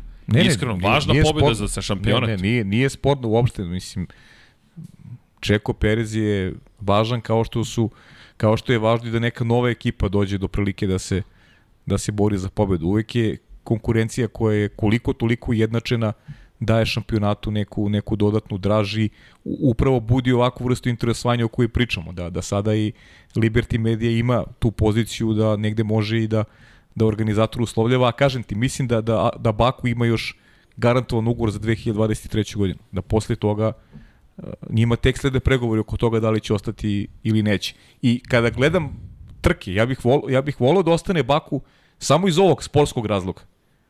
Što su tamo trke interesantne. Što smo stalno dobijali neko, iako iskreno prvi put kad smo otišli u Se Baku... sećaš? Ovo ne, ja kolika sam- skepsa je bila. Pa ne da je bila skepsa, nego onako i, i nezadovoljstvo poprilično. Zašto mora Mislim, e, moja preporuka je bila s obzirom da sam imao tu privilegiju da, da odem, Baku je stvarno predjevan grad i, i treba ga posjetiti, ali stvarno sam bio skeptičan po pitanju trke, opet jedna ulična staza i tako dalje, ali sve, sve je super ispalo u, u, u ovih, eto, šest godina, u stvari pet sezona trkanja. 25 miliona razloga da se doći godišnje. To Da. je jedan od takođe razloga. 25 miliona dolara su plaćali Baku koji je otvoren rekao da se njima više isplati da plate Formula 1 25 miliona dolara da dođu u Baku kao promociju države, kao promociju grada, nego da plaćaju da kupuju klasičan advertising sales, da idu da kupuju oglasni prostor po svetskim Ma televizijama. da, pritom Baku ima šta se vidi onako i kada pričamo o kulturi i istorijski mnogo važan grad, tako da za- zaista je onako topla preporuka. Ko može, inače ćemo mi imati ovaj, e vidiš, to, to nisam, to smo trebali da organizujemo, imaćemo Vlada će biti tamo. Da, imaćemo još jednu, imaćemo predstavnicu našu u Baku, devojka koja će da volontira u Baku i biće ovaj, dobila je potvrdu da, da dođe i volontiraće tokom tri dana u Baku, što je, eto, lepa priča zaista. Volonter, eto, iz Srbije koji, koji će ići u Baku da, da ovaj, biće, biće na trci. Zaista, eto, podrška sa naše strane. Pa možemo i da zovnemo, damo. Ta, da, to, to, to put. sam, da, to sam, to sam i mislio, pa ali ajde, dogovorit ćemo se, ima, Dogovorit ima, ćemo se. ima prilike, bit će prilike. Dobro, ali eto, to, su, to je lepa stvar. Možda deluje kao sitnica, ali mi se bavimo sitnicama. Zašto? Zato Da. što one život znače. Zato što je pojenta možda nekog vas da inspirišemo da kaže Pa možda jednog dana, možda budemo jednog dana imali, Hajde imali vozača svojih prostora koji će biti u Formuli 1. Evo sada možemo da kažem ima, ima jedna volonterka koja će raditi u trci, pa zašto da, da je ne istaknemo kada ovaj, bude sve prošlo, javit će se ona kada se vrati, pa eto, možda i prilike da, da je ugostimo u podcastu da mi ispriča kako to izgleda sa lice mesta. Čudo je da to spomenješ kad ovog vikenda na stazi Ricardo Tormo u Valenciji se vozi još jedna treća runda šampionata Španije Formule 4. Možda namjerno to i radi. pa, pa vidi, ali dobro, nis, nismo loš tandem, Da. malo se poznajemo, par godina nekih. Malo, da, malo. Par hiljada godina. Ej, kad će ti 250 trka, pazi? Ne znam. Još malo, moram vidi, moramo da ne, izbrojimo. Pa neće još, nije 250. Kako to- reći, 2000, kako? Sledeće godine, pravo je Vanja, da. Laganica. Krajem sledeću, pravo si Vanja. ne znam, nije bilo krajem je. 2021. Ne, 20. da je bilo... Ne, ne, upravo je Vanja, to, to krajem sledeće 21. godine. To pa ove, ove nije sigurno, krajem sledeće. Da, I to pod uslovom da bude 25 trka. Smeju se ovi rođeni par decenija kasnije. Nije lepo smijeti se starijima, doći će ti vi ove godine. Pa i, i napunit ćeš i ti 30 isto, polako. Da, da, to, ti si napunio 30. Jes, Uf, čestitam. Dobro, de priznajem, priznajem. Da, dobro. priznajem. Da, u svakom slučaju, da, Filip Janić nam vozi ovog vikenda ponovo. Filip je trenutno sedmi u šampionatu Španije i tamo Nikola Colov, inače dominira čovek, dakle stigao je u šampionat i baš je dominacija, tri pobede u šest trka, tako da eto držimo palče da Filip može da se uključi u bitku, prethodni vikend nije bio toliko uspešan koliko prvi, 8. 9. i 7. je bio, ali pratimo Filipa, podržavamo ga i držimo mu palčeve, ajmo Fićo, ako smemo tako te zovemo, ajmo Felipe, tako da pratite šta radi Filipa, vidi, Filipe Masa mu je omiljeni vozač, Filip i tako dalje. Kada spominjem jednog Filipa, još jednom čestitam našim dragim prijateljima, Ognjenu Ivani, s obzirom na činjenicu da je mama dete od dva dana e, dovela u situaciju da gleda trku Moto Grand Prix prošlog vikenda.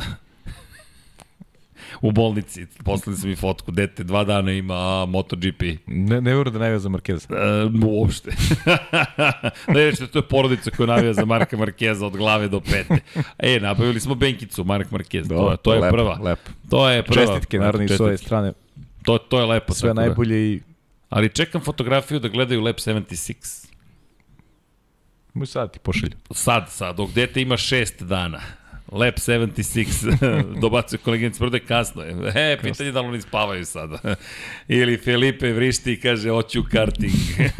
Tako je mali Filip, koji je sada veliki Filip, tražio karting. Inače, pratite na YouTube kanalu, možete da ispratite Formulu 4 ovog vikenda, inače mi imamo trka Formule 2, tako da ćemo i to imati prilike da, Da, da. pratimo. O, ovog vikenda Formulu 2 i Formula 1, da. Kada već Formula 2 se pričamo nastavlja. o, o Felipe ima i Filip ima, Felipe Drugović, Drugović. tamo nastavlja svoju bitku za titulu šampiona, apsolutno smo pristrasni, dakle jedan vozač koji, ako Pa ništa dobro. drugo, podsjeća da je s ovih prostora Jest. prezimenom, ali je vozač male ekipe, ne male ekipe, bez velikih sponzora, pa je to to. Pa ja moram priznam da postoji onako s moje strane i to naš Brazil konekcija Ayrton Sena, Sena ne? koji dominira na, na kacigi i zaista je momak pritom priča je takođe i to što nema podršku sponzora pa opet je onako e, neko smo još više vezani za, za taj njegov uspeh, a pritom i ta konkurencija koja postoji, Teo Puršer koji je tu blizu, imali su sjajnu trku u, u Monaku, ne znam da li si gledao tu drugu trku, Jesam, jesam.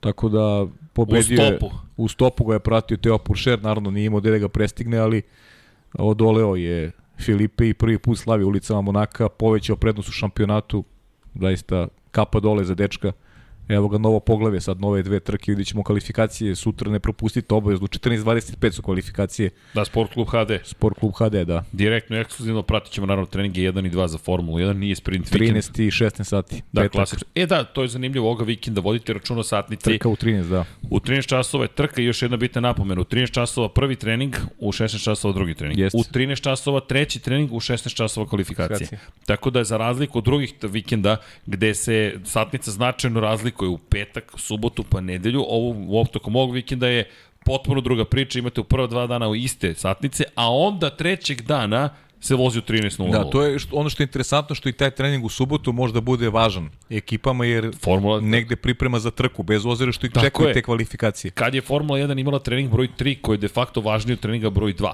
Meni čak for, trening broj 1 deluje da je bitniji po pitanju Bit- vremena bitni. dana. Tako je, veći akcent ćemo staviti. Taj trening broj 2 čak možda bude najmanje važan. Možda on bude onaj trening broj 3 čuveni. Bravo, da, da. Ili možda tu budu testirali čak neke nove delove. Jer, Moguće. jer to je trening koji ćeš pre žrtvovati nego trening broj 1. Sigurno, pa logično. Lo, i da, i ono što će najveći tu zapravo biti situacija jeste biti, bit, biće pitanje razvoja staze po pitanju potrošnje guma, ali pratit ćemo pažljivo zajedno sa Pirelivim tehničarima da vidimo šta se tu događa. U svakom slučaju, malo drugačiji vikend nego što smo Jeste. inače navikli, pa čisto podsjetnika radi, pošto ove godine imamo dosta razlika u odnosu na prethodne godine po pitanju organizacije, s obzirom na činjenicu da su konferencije za medije prebačene na petak, što automatski pomera sve ostalo jer hoće kompaktniji šampionat da imaju, to je kompaktniju satnicu u kojoj četvrtak više toliko nije bitan dan koliko je bitno da, da u petak zapravo se sve nekako završi. Vidjet ćemo da li će to pomoći. Meni dalje zbunjujuće da u kasno popodne imamo treninge petkom, ali okej. Tako je kako je. Elem, idemo mi dalje. Inače, kada smo malo pre spominjali i Serhije Perez i njegove šanse, znaš, e, pada mi na pamet Pierre Gasly, zato što čovjek je dao vrlo jasnu izjavu da smatra da je logično da Red Bull potpiše ugovor sa Serhijom Perezom da nastavi saradnju, ali da takođe on mora da vidi koje će biti njegove opcije. Mnogi pričaju o tome da bi Pierre Gasly mogao da bude naslednik Daniela Ricarda u McLarenu. Da, Ima smisla. Ima smisla, da. Ima smisla. Ima podršku sponzora. Dakle, ima ko da stane iza njega, Francuska svakako, vidjet ćemo da li će možda sta- nastaviti neku saradnju i sa Red Bullom, ukoliko se otvore ta neka vrata. Zašto? Pa lični sponsor može da ostane kao Alexu Albonu, što je ostao lični sponsor.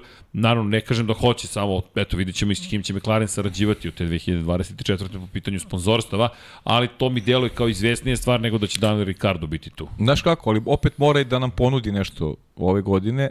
Prilika je bila Monako. Ako si pratio treninge, verujem da jesi, bio je dobar na prva tri treninga. I onda promašeno tema u kvalifikacijama Jeste. kada je nakon crvenih e, svetala, crvenih zastava krenuo u krug i promašili su jednostavno tajming. I toga je koštao dobrog starta. Bio je aktivan na stazi, dva preticanja i možda je to najava bolje forme. Mm, To mora da nam podari jer e, i dalje ga zovem najvećim razočaranjem ove godine jer ne znam da li je došlo do nekog zasićenja, šta se dešava, tek neko tromo izgleda na stazi, nezainteresovano, do Monaka. I vrlo moguće da, da će se stvari sada malo okrenuti u njegovu stranu i to nema nikakve veze sa Toro Rosom, ima veze sa njegovim stavom koji prosto nije bio dobar. Bilo je tu i grešaka tima, ali on je prosto vozač koji nas je navikao na, na, na visoke standarde i, i prosto želimo svi da vidimo da e, ono što ima od bolida da on to iskoristi na najbolji mogući način. E, to nije bio slučaj ove godine, tako da se nadam da, da će se te stvari promeniti, a mislim da možda čak i ne postoji bolji čovek ukoliko zaista Ricardo odi iz McLarena od Pjera Gasly. Ali, e, da zlopotrebim tvoju reč, zar nije tema ovogodišnjeg šampionata propuštene prilike? Zapravo. Da. S, Vanja, mi ćemo ti se istopiti, da znaš. Samo da znaš, Vanja je ovde Ne, ne, okej, oko pa klime, dobro, treba čovjek da, da, se, da, da, da spasi svoje bubrege, ali ako krene ovde da se topi moje, moje, Slušaj, moje, ovaj, moje, bolje mi da se topimo nego njemu stradaju bubrezi. to je fakat. Ja iskreno nisam To je fakt. nisam pobornik klime, ne volim je Da, prije ovako, nije ali, ali toplo. pogotovo nekom ko sjedi Morat ispod. da, morat ćemo aerodinamikom da se, po, po, po, da, da se pozabavimo. Ili ti da usmerimo, Da usmerimo. Tako je. Jer, jer biće Adrian da. Njuj ovde, vidimo ja da ćemo da bolje, pravimo... bolje njegovi bubrezi nego, nego ovaj... Ne, ne, okej, naravno. Ja, ja odobravam, stvarno, kažem. Ja Podržavamo baš, baš nisam, mladih. nisam ovaj pobornik. A Ovaj, i ne, ne pokvarila mu je frizuru, tako da Ja mislim da je pred oko frizure nego do bubrega, moram ti priznati. Šalim To se. Vanja, čovek koji ima o čemu da vodi računa. Kao i ti, mada ti imaš lepu frizuru. A dobro, ja i više služim me. Ovaj. Ja sam mlađi od tebe, logično je da, da, me- Logično da me da kose bude služi. frizura kako treba. E, Tako. ali, apropo, da, Pjera Gaslija, samo, samo to, da konstatujemo, ništa drugo. Dakle, fakat jeste stalno neka priča, stalno je neko ali. Uvek, pa da, Uvek. neki zarez ima u, tokom cele godine. To- A to nije dobro, znaš, kad govoriš o nekome ko ipak mora da se dokazuje stalno, jer on mora kupi poverenje neke ozbiljnije ekipe. A, a šta smo ovo imali, pričali smo s početka srđene podcasta, novi ugovori da su nekim vozačima vezali ruke. Kako se oglasio dr. Helmut Marko i rekao da razmišlja o, o Pieru Gasliju, tako je Pierre Gasli se ugasio. E, ali rekao je kako je kako bi bilo suludo, kako bi bilo veoma loše da propuste priliku da potpišu ugovor sa, sa njime. Pa dobro, ali to, to je dečko vrlo realno rekao. To, to je stvarno tako. Ti kad imaš tak, takve rezultate, ko je lud da propusti tu priliku da vozača koji ti toliko dobro donosi, da mu kažeš čekaj, mi ćemo sad da razmislimo o tebi. Ne, naravno Ako da, da misliš ja na Pereza. Misli na Pereza, da, da, naravno. Ali, ali sam mislio na Marka koji je rekao Aha, za, za- za- Gaslija, za Gaslija, kako aha, ne okej. smiju da propuste priliku da potpišu ugovor sa njim. Da, da, jeste, jeste. I onda Perez koji samo raste u formi, A, o- Gasli a ide Gasly na dole pada, da. i tu je kraj priče. Nemoj da me hvalite, doktore, po sve je u redu do da, tada jeste. bilo. Ne, to, to, to mi prosto ostalo u glavi. da. Ali dobro, Pierre Gasly, pa eto, vidjet ćemo da će nastaviti karijeru. Prosto, samo da ga konstatujemo s obzirom na činjenicu da čovjek ima kvaliteta, ali to ono što smo pričali i u nižim kategorijama. Gde je sada u Formula 1? Baš je teško naći mesto. Do, otvorit će se to pitanje Fernanda Alonso, ali o tom potom. Inače, iz Bakua još par stvari koje, koje bih spomenuo pred početak trkačkog vikenda, a to su pod jedan da je tumačenje pravila gaženja linije na izlasku iz pitlane, ulazku u pitlane, dodatno protumačeno i pojašnjeno. Da, to je bitna tema. Bitna je tema, rečeno da mogu da gaze liniju, ne smeju da pređu preko linije punim točkom. Dakle, to je sada usvojeno kao de facto pravilo. Dakle, to je sada, ta tumačenje pravila koje je izmenjeno tokom zime, je sada vrlo jasno definisano. Tako da znate, ako neko nagazi liniju, to ništa ne znači ukoliko se ne smatra da je celim točkom prešao van To se vraćamo linije. na ono što se događalo sa Maxom Verstappenom pre svega, gde Jeste. smo jasno videli da je on da je on gazio liniju, gazio, da je Nagazi- prešao. Ta, to, tako je, Tako, ali, ali, nije, ne, nije celim točkom. Jeste. Tako da je to, eto, to da znate da je to zaista potvrđeno. Jer, jer kada tumačiš pravilo i kažeš ne sme da se pređe linija, Max Verstappen je a priori prešao liniju i to, je, to, to, to smo jasno videli. Ja iskreno čeka Pereza nisam video da je to uradio, makar se ja ne sjećam tog momenta. Ovo je bilo evidentno, ali sad ovo pojašnjenje ovako jasno govori ovaj, da ipak možda se napravi ovaj koji delimični prekršaj koji, koji se neće kažnjavati. Dakle, Da. po, polu, e, prekršajčić. Prekršajčić. Prekršajčić. Kršite zakon malo. Da, prekršajčić. Malkice. Nemojte previše da kršite Da. pravilnik. Nemojte celim točkom, ali sa pola možete. A pazi, to je pravilo koje je decenijima bilo na jedno od najstriktnijih pravila u Formuli 1, gde se znalo, ako to uradiš, moraš da budeš kažnjen. Čak je prošle Mora, godine... moram kažem nešto. E, to je usledilo pojašnjenje nakon trke u, u, u, Da. u Monaku. Max Verstappen je trebao da bude kažnjen nakon Monaka, pa da se kaže u buduće, To u će biti buduće drugačije. biće drugačije, može da se sa pola točka.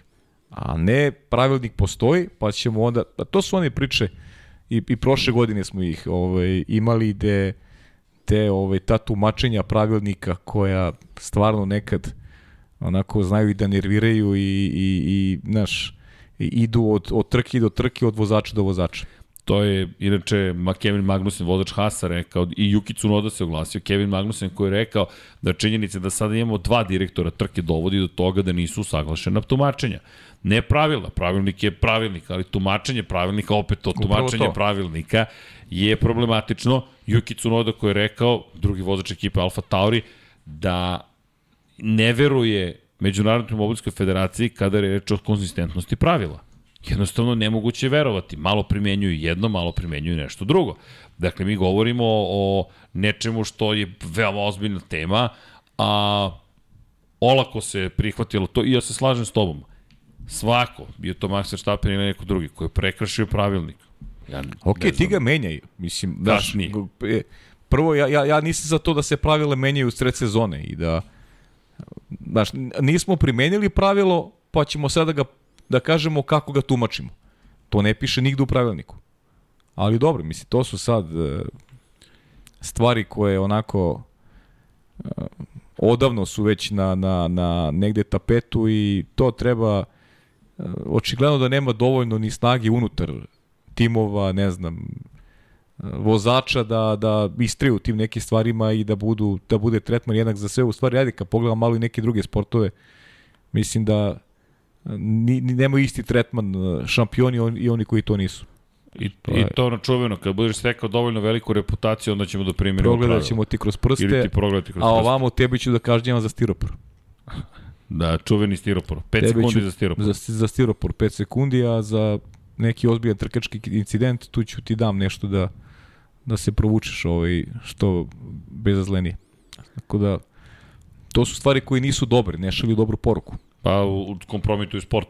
Pa Vrlo definitivno. jednostavno. Kompromituju sport. Pri čemu u celoj ovoj situaciji Peter, ba, Peter Bayer je napustio Međunarodnu automobilsku federaciju. Dakle, FIA je ostalo bez još jednog čoveka. Inače, savjetnik Mercedesa, Shailan Rao, je sada post, je zauzeo tu poziciju. On je takozvani VD, da ne kažem vršilac dužnosti zapravo. I kada pogledaš, imaš situaciju u kojoj je Peter Bayer jedan od važnijih ljudi koji je inače vodio istragu o, pretho, o prošlogodišnjoj trci u Abu Dhabiju, odjednom van FIE. A dolazi čovek koji je bio nekadašnji savjetnik ekipe Mercedesa. I sad, ako pričamo, i ovo nema nikakve veze sa Mercedesom, pro kontra, samo kako se sada i FIA menja iz te perspektive. I ti sada imaš situaciju u kojoj je FIA, inače koja je vrlo glasno protiv sprint trka, Dakle, FIA ne želi više sprint trka od, ove, od tri koliko ih ima ove mm -hmm. godine. S druge strane, Liberty Media i timovi insistiraju na što većem broju sprint trka. Dva razloga. Uz povećanje sprint trka neminovno će doći do povećanja budžeta zapravo, što automatski podrazumeva da imate više novca da trošite na razvoj bolida. To jest može da pokrije eventualne troškove koje ste već napravili unapred, verujući da će opet ovo se desiti. Dovoljno si velik da protumačimo pravila koja će ići tebi u korist. Ili dovoljno si velik da promenimo pravila. Tako da je to prilično velika promena. Jednostavno Bar je otišao i Rao koji inače bio direktor pravnog odeljenja od 2016. do 2018. sada na nekoj novoj poziciji. Pa eto, vidjet ćemo. Inače, čovek je bio pravni direktor, zapravo direktor pravnog odeljenja Mercedesa i zvanično lični savjetnik, specijalni savjetnik Tota Wolfa, šefa ekipe Mercedesa. Tako da nije mala stvar. Zahvalili su se u konkretno FI Bajeru na, na saradnji. Inače čovjek je bio zadužen za kompletno sportsko odeljenje. Dakle, ovde je čovek koji je od, što kažu u piramidi sportskog odeljenja od kartinga do Formule 1 bio glavni. To je čovek koji je otišao, odjedno se menja odnos snaga. Tako da eto, pratimo i tu šta se dešavalo, a eto, dobili smo i tu novu informaciju prosto da, da će tumačenje pravila biti sada jasnije. Mada Kevin Magnussen mislim da je lepo rekao, imaš dva trkačka direktora, Da, da. malo Paja, malo Srki, pa kako njih dvojica vide situaciju. Znači sad pazite, nemojte sa celim točkom. Tako znači, možete sa pola slobodno. Sa pola slobodno, ono što mene zanima kako znaš da li je ceo ili pola. Kako možeš da vidiš pa, zaista gde je linija Možda bila? će VAR da uvedu. kamera ispod bolida da, i sa osvetljenjem specijalnim da bi moglo da vidi. Jer živo me zanima kako ćeš ti sada... Kako? Kako misliš kako? Pa, Vanja pita konkretno. Imaš liniju. I dođe točak i opa, za malo. I ne možeš refleks. cijeli, ne možeš da prođeš cijelim točku, nego možeš pola točka Evo pređeš preko linije. Ovo je dozvoljeno. Ovo nije dozvoljeno. je. Ono što mene zanima, je li ovo dozvoljeno? Ajde da okrenem ka kameri.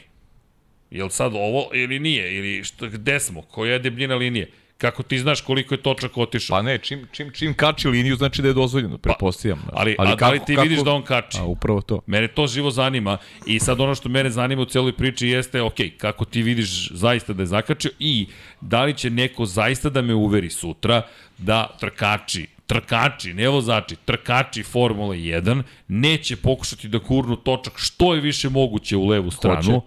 ili desnu stranu sa ciljem da zaštite poziciju. Ja bi to drugačije malo, znaš, kad, evo, a sad ako pričamo o toj temi, da, da u momentu kada, kada izlaziš uh, iz, uh, iz pit lane-a, ukoliko u tom trenutku uh, je na stazi bilo ko od drugih vozača, da ne možeš ni malo da kačiš liniju. Jer ako malo zakačiš, to je kazna. Jer automatski si znači želeo da stekneš neku prednost A ako nema na startnom ciljnom pravcu vozila, da je potpuno okej i da i da, i, da, i da zgaziš preko linije s obzirom na taj način dakle, ne utičeš ni na koga. Ako su plave zastave prikazane, to je plava LED Bravo. dioda Eto. upaljena, nemaš to pravo da učiniš. Nemaš pravo ni malo da nagaziš, e, da nagaziš liniju, zato što na taj način ti pokušavaš da Potencijalno stekneš... ugrožavaš nekoga. Ugrožavaš i želiš da stekneš neku prednost, znači ti već tada želiš da uđeš u nešto se zove, što se zove trkanje. To ne može da Moraš se dozvoli. bezbedno da napustiš pit lane. Tako je. A ako nema nikog na startnom ciljnom pravcu, a ti si nagazio liniju, mislim da u, u, u to, e, to su, to, to su E, srđeni pazi ti sad. momenti kada možeš da gledaš, da gledaš onako, uh, da ne moraš striktno da primenjuješ pravila, da kažeš, ok, imamo situaciju koju je vozač uh, nije stekao nikakvu prednost i nije nikog ugr- ugrozio na stazi. Mogu da, da ono, znaš, da, da kažeš, uh, nema, nema materijala da neko kaznim. Ali, pazi, Monako. Monako gde je bukvalno svaki deli sekunde bitan i gde ti stalno imaš neku frekvenciju. Gde, gde, gde svaki milisekund može da bude važan u kreiranju rezultata. Mislim da tu ovaj, moraju da se vodi, da se, da se vodi računa o, o, o toj vrsti, toj vrsti prekršaja. Ali znaš šta je to sad dodatni problem? Ajmo sad sledeću stavku. Da li si ti brže vozio krug ako pređeš tu liniju? I ti si sad, zato što je prazna bijela staza, imao priliku da voziš brži krug, a onaj ko je naišao na nekog ko zostaje za ceo krug i mora da vozi sporiji krug. Ima i Ili, toga, ima- ima zašto smo uopšte menjali to pravilo? Zašto To menjaš to je- nešto to je, što radi? To je suština, pa to je, ali to ono smo prošle to godine, to ono što problem? smo pričali prošle godine. Ne može da se, do, da se dogodi da u sred sezonje menjaš bilo koje pravilo. Ne može da postoji niko uticajan da te navede da ti promeniš neko pravilo. Jer ti si vrh piramide, ti mora poštoješ svoje regulative.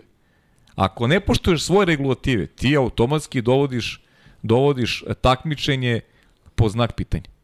Dovodiš regularnost po znak pitanja. E, opet evo dolazimo. O, o, ovo delo je benigno, ali mi pričamo o nekoj sedmoj rundi gde ti imaš tumačenje pravila, aha, ni- nije to baš napisano tako kako jeste, već, već ne sme da se celim točkom. Mislim, stvarno pomalo i smešno. Pa ne, ti dolaziš u situaciju zapravo da ćemo se vratiti na sportskog direktora Red Bulla Jonathana Vitlija koji je zapravo uticao i prošle godine u Abu Dhabiju, koji je uticao sada, koji je doveo advokatski tim, ti zapravo rešaš advokatima celu situaciju. Baš je, baš je kočiča gori opis društva. Otprilike, imajte boljeg advokata i bit će vam bolje. Ne sviđa mi se u svakom slučaju, Pa da, ali pa tema koja je veoma značajna. Kao ona promena pravila koja je Mercedes potencirao u sred sezone, koja je bila peta, šesta Ne trka. jednom, Mislim, znaš, Me- Mercedes menja, Mercedes menja pravila s početka sezone. ali, Čekaj. nije, ali nije Mercedes. Pa, ali nije Mercedes. Ali nije Mercedes. Ne, ne može tako. I, I imali su bolji lobi, fakat su imali bolji A lobi. jesu. Kao jesu, što Red ja- Bull sada ima bolji lobi. Ok, ali, ali, ali para, kako bi ti rekao, to, Slažem to se. ne sme. Što bi rekao naš dragi kolega Dejan Potkonjak, to ne sme da se deš, ne, to ne sme se zaboravi, ali To ovo se ne sme se deš, ovo ne sme se To se ne radi. Se ne radi, bravo, to, To se, se ne ne radi. radi. To se ne A, radi, kad tako sam to, od kad nije, prestao sam da izgovaram, to se ne radi. To se stvarno ne radi. I A to, to je se- nešto što, što uh, mi možemo samo da pričamo o tome da bi negde našli neku, neku realnu sliku i da s, s kraja sezone ne zaboravimo da smo imali i taj moment u, u, u Monaku koji možda bude vrlo važan kada budemo sabirali poen. Jer, jer kazna u Monaku. Kazna u Znam, mislim da Monaku su je... kaznili u Monaku. To, Vanja. Fotokredit Hasan Bratić. Nisam znao da me Hasan fotografisao, ali dobro. Hasane, kad si me ovo fotografisao u studiju? Šta? To ja govorim, da, da, da. A to, a to, to, Ne, ne, to, dobro. To ne sme se zaboraviti, deki. Zaboravi. Tako je. Da, ne, samo, samo mi zanimljiv Hasan. Nisam znao da se Hasan negde sakrije u studiju i ide fotografis. Hasane, može sve. Hasan može sve. Pozdrav za našeg prijatelja Pozdrav Hasana Hasana Bratića. Ej, idemo zajedno najverovatnije na trku u Holandiji. A, sad na, na, na, Na motor. MotoGP. Bravo. Da. Tako da, Odlično. eto, to su Eto, lepe baš stvari. Bar bi trebalo da budemo zajedno. Tako da, pratite Lab 76. To je- e, tu će je- biti foto by Hasan Kaj je to beše? To je Za 10 26. dana. 26. Tako je, za 10 dana krećemo ponovo u akciju. Avionom ovoga puta, ako sme... Ko ne prati Moto Grand Prix podcast? Ja, izvini, Paju, moram ovdje A iskoristiti. de, da, šta ti, najavljamo, najavljamo trku, ovdje imamo fleksibilni Zabavljamo smo, se, tako je. Ljudi moji, ja želim da vam kažem par stvari. Prva stvar, mesec je mentalnog zdravlja. Jedan češalj mentalni potreban svima. Pa Koleginica iz prodaje pokazuje pogotovo na mene. To što vi aludirate na moju fantastičnu to, frizuru. to je baš zbog češlja. Da, zbog češlja.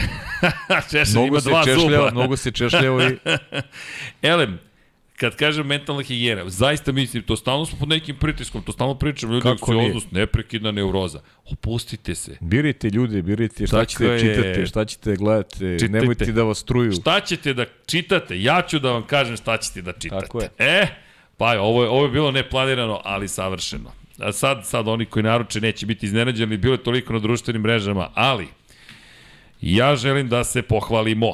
Evo još malo da se hvalimo. Valentina Rossi monografija na srpskom jeziku. Treba da se hvali zato što je najbolja monografija Stvarno je urađen. koja si ima u rukama. Fantastičan Ne, fan, posao. fantastično. Zaista, danas sam pričao sa još nekim ljudima i rekli su ja ne mogu da verujem da ste ovo uradili. I to je samo početak nekih stvari koje ćemo raditi. Ovo je prevedena knjiga Meta Uxlija, sve njegove trke i preponosni smo na ono što je ceo tim uradio. Jeste da je malo duže trajalo nego što smo planirali, ali smo puno toga i naučili. Pa evo vidi se iz priloženog zašto je dugo, duže da, trajalo. duže trajalo, jer nismo hteli da knjiga ne bude zaista vredna svakog vašeg momenta koji ste proveli sa nama, svakog dinara koji ste platili knjigu, svakog trenutka koji ste sa nama, lajka, bilo čega, svake lepe reči koje ste nam poslali, kritike, čega god, sve što nam pomaže da budemo bolji i zaista smo preponosni od knjiga koje stoje na stolu do to knjiga koje mi objavljujemo i zaista jedva čekam i, i autorski rad gospodina sa moje desne strane Da, kao hoće. Dekija Potkonjaka, nije, nije pritisak Ne, ne, zaista. znam, pa mislim- Samo pričam da je to nešto što ćemo biti Pritisak zaista mogu samo sam sebi Tako da napravim. Tako to je. je, znaš, Put ka savršenstvu Ayrton Sena, Schumacher crveno i crno, Deki, Potkonjak, naš kolega, prijatelj, zaista uradio nevjerojatan posao i neotkriveni Kimi Raikkonen, Kari Hotakainen, finski autor, ostavite me na miru, znam šta radim. Ko želi može sve to da to je nađe prava kolekcija. kod stvarno. nas. Jeste. I, i preponosni smo na biblioteku, Prava to nam je kolekcija, bio ali fokus. ovo je estetski, u svakom drugom pogledu nešto što Posebna knjiga. ja zaista nisam vidio. Rekao sam, poredim je sa, sa jednom monografijom koju sam imao prilike da, da držim u rukama, ovo je stvarno nevjerovatno uređeno. I ovo je autorski primjer koji inače testiramo da vidimo i koliko će on da izdrži i koliko će da izdrži kutija i za sad se dobro drži. Inače bio je u Barceloni na stazi, ova knjiga bukvalno bila fizički na stazi u Barceloni, tako da se trkala sa nama da. I sad će da ide u Asen malo, da se provede na startno ciljnom pravcu. Tako da bit će svega, ali baš smo po, baš onako veliku radost osjećamo zbog svega. Elem, to je apropo čitanja, ali hoću da pohvalim gospodina Aleksandra Đankića, neka vam bude mala inspiracija čovek koji se plaši letenja se vratio avionom iz Barcelone. e, tako da, da, u, u, u prošlo vreme ću to da stavim plašio se letenja i, i baš je dugo cela ekipa pričala i, i sve okej, okay, nikoga nije terao, samo smo rekli ba, Junkie Baby, Imaš još jednog ovaj, kolegu koji je skoro išao avionom i, I? I? čak i on ovaj, tražio da ide avionom, a, a znam koliko se plaši. zaista, super. Da, išao je. To, su, to su pozitivne stvari. Pa reći ćemo, Srđan Radović. Znaš ga vrlo Znam dobro. ga. Tako da. ali to su velike male pobede, jer zaista to je iracionalni strah koje, šta može da se desi? Pa, može sve, a može i ništa. Tako da, šta da vam kažem, to je i u autobusu i u automobilu, ko zna. Ali činjenica je da je ušao avion i rekao, ok, sad i po neprijatnosti, ali priča je, ima i pozadinu iz perspektive kol- kolega, pošto je, jel te, stalno se ide kombijem da bismo mogli svi da budemo zajedno i sad je, sad je bilo, sat i po neprijatnosti. Ok, i javljaju se iz Beograda, stigli smo, i rekao mi, ubiću te ako poginem. rekao, ok.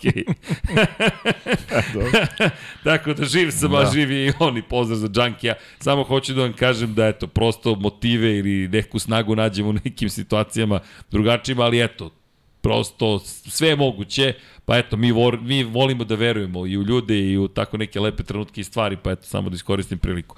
Zašto sam to rekao? Nemam pojma, ali si mi nešto ne što si mi Pa do, inspirisao. pričali smo, da, da, pričali smo apropo toga da ljudi trebaju da imaju tu snagu da uh, rade ono što vole, da, Jest. da pronađu neki svet koji, koji njima odgovara, jer uh, sam sebi kreiraš u stvari kako će ti izgleda Pa i smisao i sve dan u suštini Pa da. i kako ćeš da provedeš ovaj, da provedeš život. Tako da ti neki spoljni utice, oni koji se vade stalno neku spoljni utice, Mislim da da mnogo ne pije vodu jer jer imamo priliku i moć da nad samim sobom da, da, da možemo da, da, da, da neke stvari kreiramo kako, kako mi želimo. Da, da, da. Zašto si ti, ovaj, šta te navelo da izabereš da budeš večeras ovde? Šalim se, pa. Neka pozitivna energija, Dobra klima. priča o Formuli 1. Klimu ćemo da ugasimo zbog vanjevih burega. Vanja, gasi slobodno, ozbiljno. Može Može. pitanje? Koje su kazne kad neko prekorači budžet? E, moj Vanja. Ko- Zavisi koga Zavisi prekorači. koga prekorači. Ga prekorače Tako kas, da. da. možda budu ozbiljne kazne. Da. As će da bude kažnjen vrlo ozbiljno, da odmah da znaš. imamo sad, ko, ko je sad, je neko je prekoračio budžet. Uh, imamo prekoračenje, imamo prvo prekoračenje Imamo, budžeta. imamo, čekaj, čekaj, čekaj, čekaj. Imamo prvo Sad prekoračenje Vanja, budžeta. Pa ne, dobro je pitanje zato što, zato što smo i zato što imamo prvo prekoračenje budžeta. I sad, evo viš, sam, sam me uhvatio, ovo nemoj da radiš, Vanja, nikad, jer možda nas uhvatiš nespremno. Evo. Zna- Znam da postoji, da, da, da, se, da se to dešava, ali sad... Ne, ne znam da je neko Da li je prekoračio, Williams? znam da je upozorenje, pa ali, da, ali da li je Williams? Ne, samo govori da će možda prekršiti. Sad, samo da ti nađem, da pogledam tehnički, sportski pravilnik, sporting regulation, da vidimo mi šta tamo piše po pitanju, sad, dok otvorim PDF, stani Vanja, lepo ti rekao Čika Paja, nemoj to, Da, nemoj da nam radiš to. Nemoj iza leđa, Vanja. Dakle, ajmo ovako. Izvinite ljudi, ali sad ovo je sad jače od nas. F1, sportski pravilnik. I da vidimo mi gde je ovo. A, e, gde mi je... Tek, tek, ovo je update. Ajde, sad ćemo i to da pronađemo, pa ćemo da vam kažemo odmah kolega Miličeviću koje su kazne zvanično, šta piše zapravo u sportskom pravilniku i da vidim, ovo to će da potre. Dobro. Ne, ne, saznaćemo Vanja, ali lepo si nam rekao, hvala ti. Moram da vidim. Ili su to u tehničkom pravilniku? Stani. Možda, Dobro, su, mislim, možda i tehnički pravilnik. ne, žu- ne žurimo, nešto ja gledam isto. ali ne, imamo upozorenje da će biti, a možda i ja grešim, sad ćemo da. Trrrrrr. Dobro.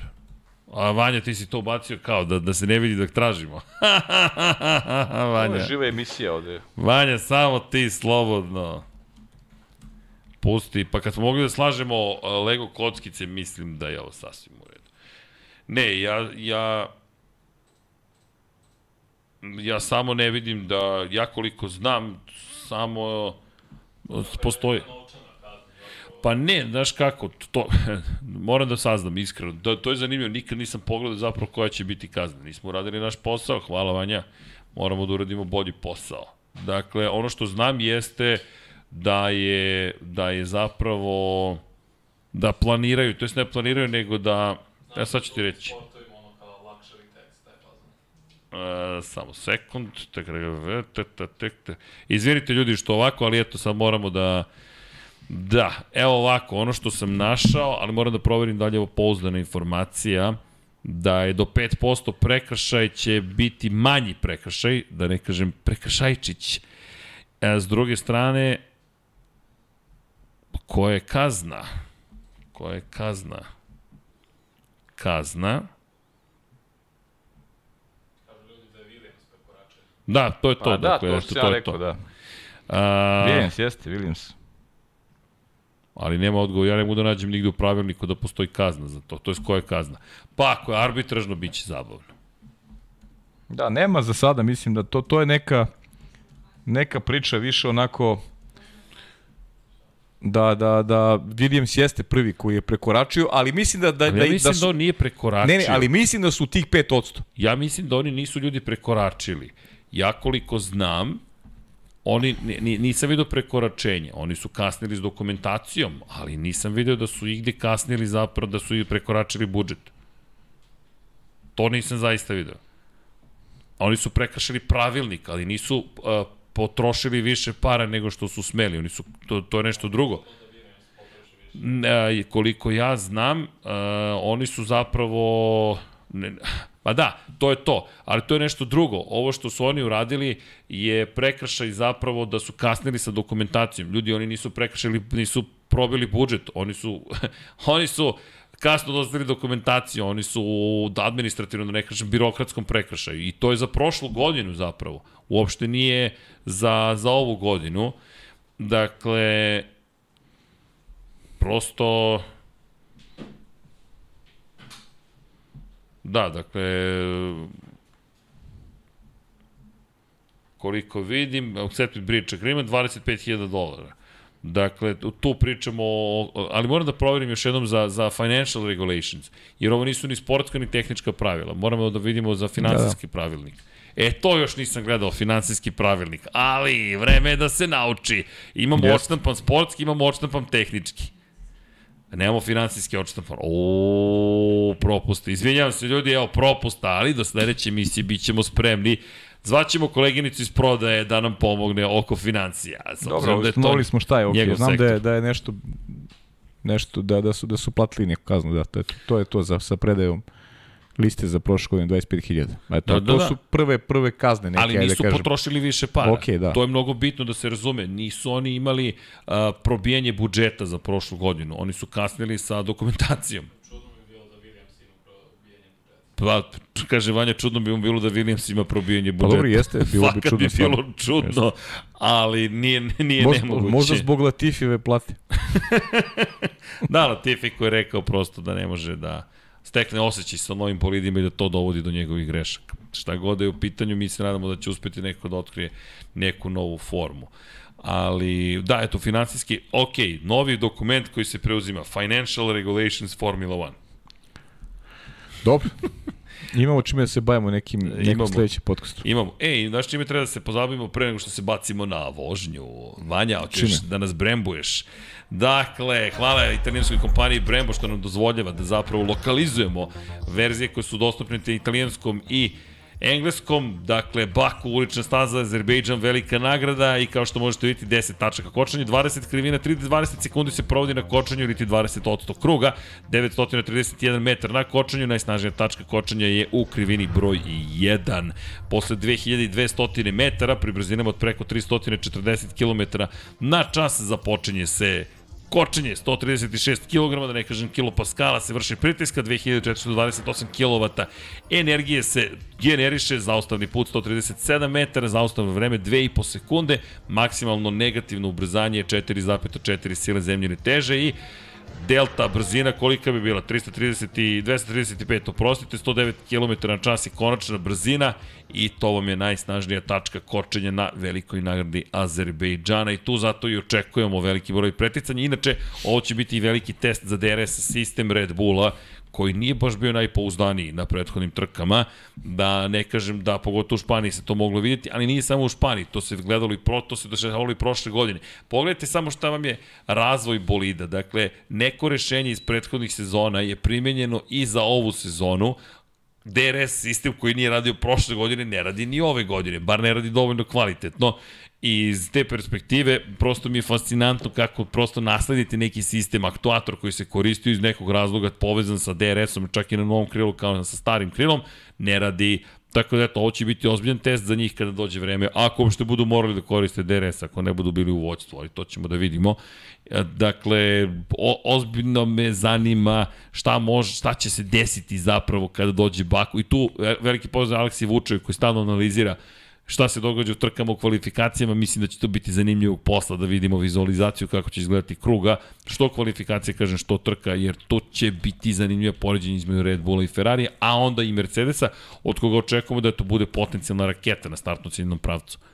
Bio je brz Mercedes i, i, u Španiji pokazao da kada je reč o maksimalnim brzinama ima šta da ponudi. Ne kažem da će to odjednom da stvori od Mercedesa šampionski ili pobednički bolid, ali Ajmo da ispratimo šta će tu da učini. Ali za razliku od Monaka gde, gde nismo očekivali neki rezultat uh, vanserijski, ovde ima potencijala Tako da je. se uz neka dešavanja na trci koja bi mi išla u prilog da se domognu jednog visokog plasmana. Ne bi bilo čudo da, da, da ih vidimo na podijumu.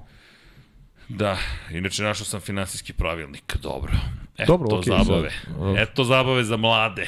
Tako da ćemo i tu da vidimo šta se tu događa. Administracija, categories of bridge, Našli smo proceduralne pro, greške itd. itd. itd. Ovo, ceo pravilnik. Minor overspend bridge, evo ga. Dakle, ukoliko je to manji prekršaj, da vidimo šta će da koja je impose financial, financijska kazna i manje sportske kazne vanja. Hvala na pitanju. Dakle, minor sporting penalties, šta god to značilo. Pa jo, pazi sad, ovo je ozbiljno podložno tumačenju. I ono što ti Kao i uvek, što je pa Paji sve je rekao, uvek podližno. zavisi ko je prekršaj na, načinio. Inače, material overspend breach, dakle materijalna, to jest ozbiljna greška, ukoliko prevazilaze više od 5% prekoračenja budžeta i ukoliko se analizom dođe do zaključka, da vidimo šta će biti kazne, aha, do oduzimanje poena u šampionatu konstruktora. Vanja, ti si car. Upravo si nam ulepšao i učinio kvalitetnim podcast ili ti očekujte da u šampionatu konstruktora timovi na kraju sezone gube bodove. Pa kada ustanove, ali vidi kako sad ovo funkcioniše. Ti ćeš sledeće godine podneti izveštaj do 31. marta, kraj fiskalne godine, de facto, ti ćeš tada podneti izveštaj o svojoj potrošnji za prethodnu sezonu. A onda ćemo da vidimo koliko si potrošio više para nego što si smeo imam čudan osjećaj da će nek, da neko negde već u Red Bullu je napravio spreadsheet ili Ferrariju ili Mercedesu u kojem će spreadsheet koleginice nam tilto iz prodaje za spreadsheetovima, bilo ih je dosta, to je dobro koleginice iz prodaje. Dakle, dolazimo do sledećeg, a to je da zapravo u celoj situaciji podneseš izveštaj 31. maja i onda proceniš koliko konstruktorskih, konstruktorskih pojena možeš da izgubiš, čak i da izgubiš poziciju, izgubio si neke pare, stavim tim što si izgubio poziciju u šampionatu konstruktora, ali ako si osvojio titulu u šampionatu vozača, da li ti je to zaista bitno? Zapravo, Zapravo, ovo je rupa u pravilniku. Vanja, ti si napravio celu temu sada. Gde, gde, ovo je moje mišljenje, samo ovako na brzaka. Kako? E, nema smisla, jer najbogatiji timovi sad sebe mogu da dovedu u situaciju, ajmo mi da potrošimo više para, a vi ćete nam oduzeti ša, u šampionatu konstruktora će nam oduzeti poene, ili ćete, nam, ili ćete nas finansijski kazniti, ili ćemo imati sportske kazne. Sad, koje su sportske kazne, niko ne zna, ali šta ćeš da uradiš? Da im diskvalifikuješ vozače? Sumnjam. Pa finansijska godina. Pa da, pa da. E, da ću ti ja da predaš finansijski izveštaj, da vidi kako to izgleda tamo, kad te dovate due diligence i ostali. Kada? Sedam trka finansijski izveštaj. Vanja, ti, ti veruj mi, ako te čuju ovi iz ministarstva financija, nadrljali smo svi. Ma. Ignorišimo Vanjin predlog. Vidi, pa teško je to. Znaš u čemu pa je tu problem? Imaš celu sezonu, izvini, da, da potrošiš pa pare. Ignorišimo i priču dok se ne desi nešto. Ali pazi, pa ja mislim da smo mi sada nabasani na nešto mnogo važno. Ne nabasani, Vanja nas je naveo na nešto mnogo važno. A to je zapravo da ti kao velik tim možeš da kažeš platit ću. Nema problema. Jer sad zapravo budžet od 145 miliona dolara je možda postao budžet od 200 miliona dolara. Kažeš sebi, neka me kazni sa 55 miliona. Šta je to? To je 200. A do sad mi je bio budžet pola milijarde do pre par godina. I oduzme ti 100 bodova, da, i kažeš malo u redu je. Kako? Pa to, to, to nema, nema, pa ne nema definisano. Slobodno tumačenje sudijsko. Nil Svitić će možda da sedne da ti... A to, to je opet, to je opet, pare, pare, ne znam, pare. pritisak, e, politika, Ja mislim da da suštinski za sada nema, mislim ne, ne, nema priče. Nije slučajno što Ferrari i Red Bull se zalažu za to da da se poveća budžet, a što i manji timovi ne žele da se poveća budžet i to to je priča.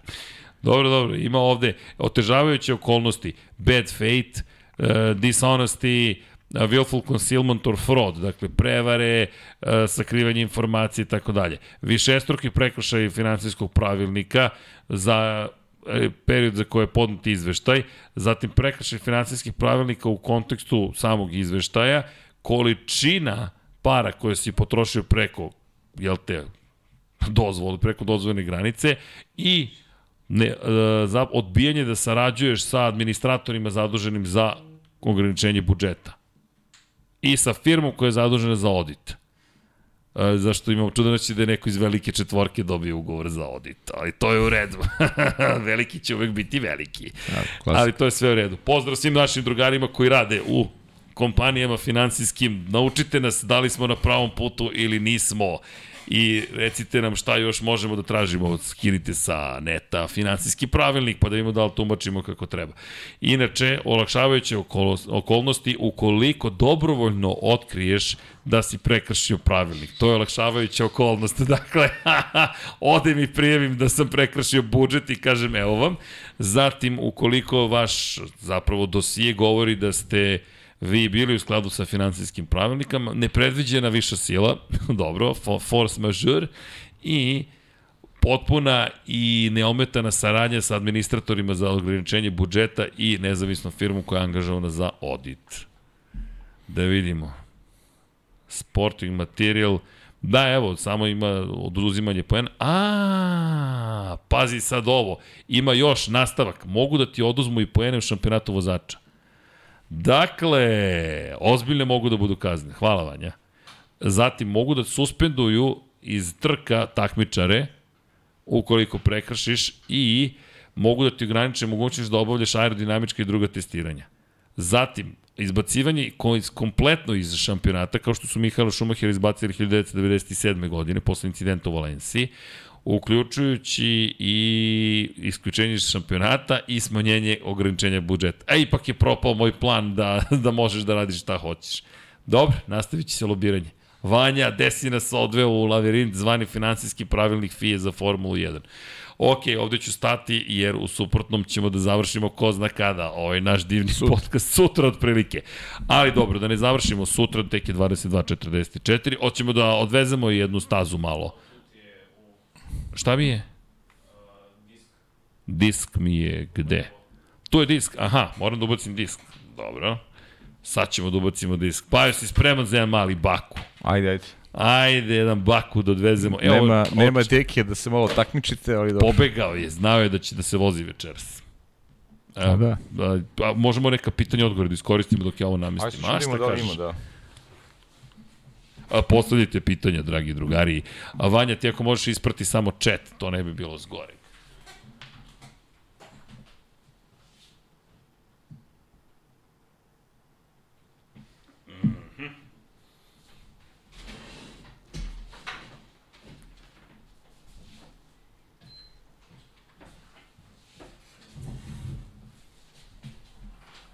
Šta kaže, ima pitanje? Ja, Muhamed Hajdar ima doveze se novu temu. Upravo vezi budžeta, ono što je Toto rekao da do ovo vremena treba povećati budžet kako bi ljudima dalo veće plate, a je rekao da za transport treba da se razmišlja o transportu takođe i da o tom pogledu FIA treba da ovaj, povede računa o, o budžetu. Tako da konstantna, eto, ta tema vezano za budžet je A pričali smo o tome i u podcastu vezano za, za eto, i planiranje tih putovanja koje ove godine nisu baš najsrećnije složeni, mislim, na, na, na kompoziciju sezone vezano za odlaske iz Evrope u Ameriku, pa povratak iz Amerike u Evropu, sad idemo iz Azerbejdžana u Kanadu. U, u smislu smanjenja budžeta mislim da, da, da, da ovaj nije najsrećnije napravljena kompozicija kalendara. Ne, ne iz nekog drugog pogleda, jer ako ćemo da smanjujemo budžet, onda ljudi povedite i vi računa o tome da, da nekako ekipe i taj deo, da kažem, poslovnog plana reša najbolji mogući način. Tako da eto, možeš malo i dok voziš, može malo ton temom još da se pozabavim. Aha, ovo je sada, jel me čujete? Da, da. A, ovo je sada novi nivo komentarisanja. Dakle, dok vozim, komentarišem. Možda ću tako bolje da vozim, ko zna. Ko je 7% novi svetioničar? Ko je, ko je kako, ko je 7%?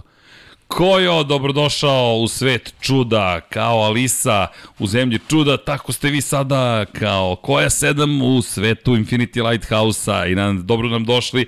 Inače, pozdrav svim našim Patreonima, patreon.com kroz Infinity Lighthouse, jer zahvaljujući vama, mnogo toga je moguće I hvala za podršku. Ko hoće neka klikne join, možete i na dolarčić, ja sam komercijalni zastupnik, nisam direktor, direktor vam je za stolom, naš Flavio Briatore lično, ali da vidimo mi šta radimo. Karijera solo 1, Grand Prix Time Trial, Formula 1 2002, koji tim? Ajmo, koji tim? Jao, znaš koga nismo spomenuli? Vozit ću sa Alfom.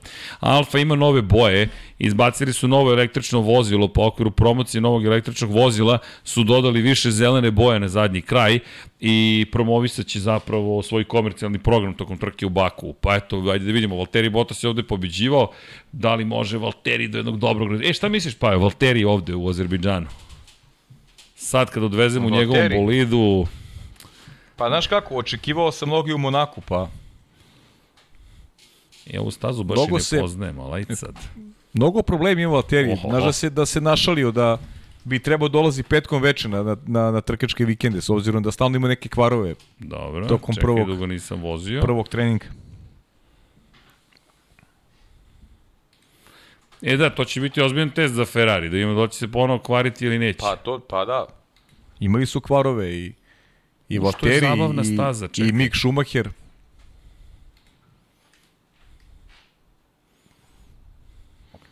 DRS zona tek ovde počinje. Opa, da vidimo s kim se trkam. I kad uopšte treba da kočim. Ma nemoj da kočiš, šta ima da kočiš. Pa tu ni Hamilton nije kočio. Sad ćeš ti da vidiš, samo se vas dvojice smejte. Ups, ups, ups. Dobro, kao i svi vozači, malo sam nastavio pravo.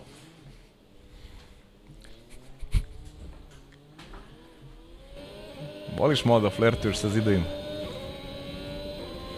Ovde je još jedna DRS zona. Pa volim malo. A ne, prerano sam kočio.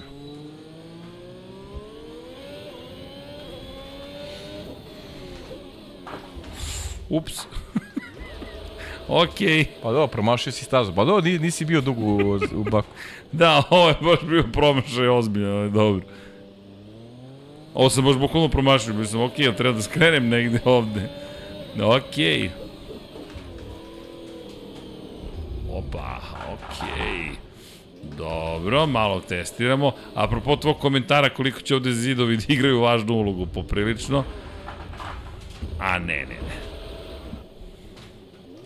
Dobro. Srećom nema danas kamere, Vanja je sklonio kameru.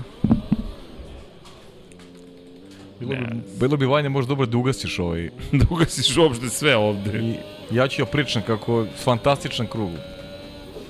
Našeg dragog srđana U, vidi koliko oštro ovo. promašio je sve zidove. E, sad ide Leclerov zid.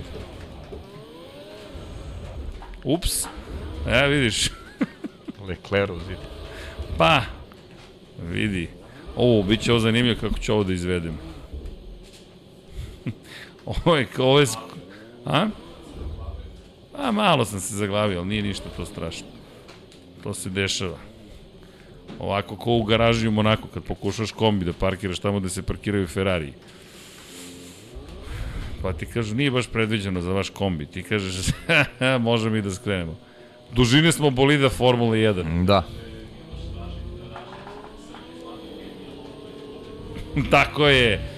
Tako je, Miloše, to podrška sa tribina. Ovde se Grožan okrenuo.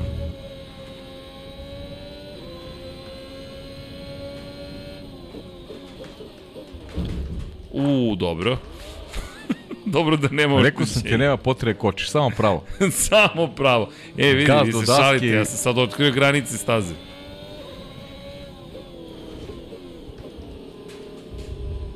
Ne, ovo je za neku četvrtu.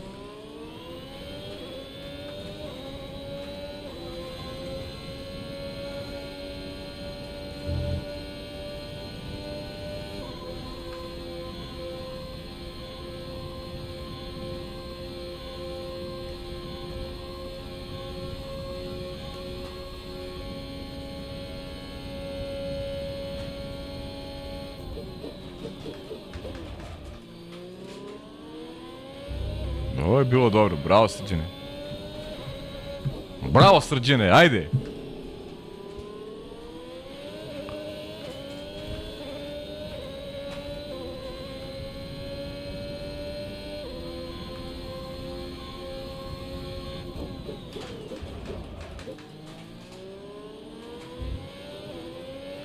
Mislim da će Deki posle ovog kruga da se demonstrativno obuči da dođe da proba da nadbaši ovo vreme.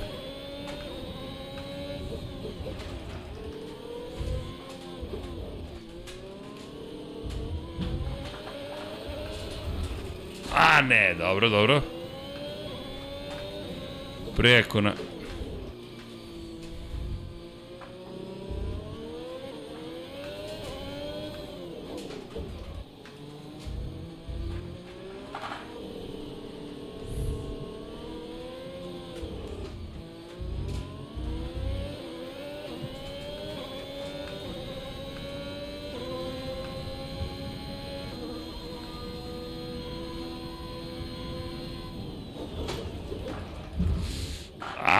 ovde sam pogrešio kočenje, dobro. Ali imam ga, imam krug sada. Imaš, a? Dobro. A, Imamo mi vremena da te sačeka.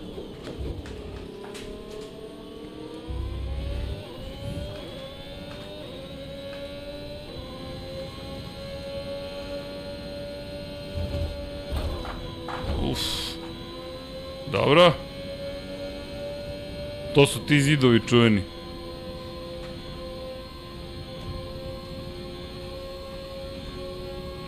Samo se vi smejte. Da. Čekaj, sad sam se zbunio. Šta za South Park, dobro? Evo ti pitanje.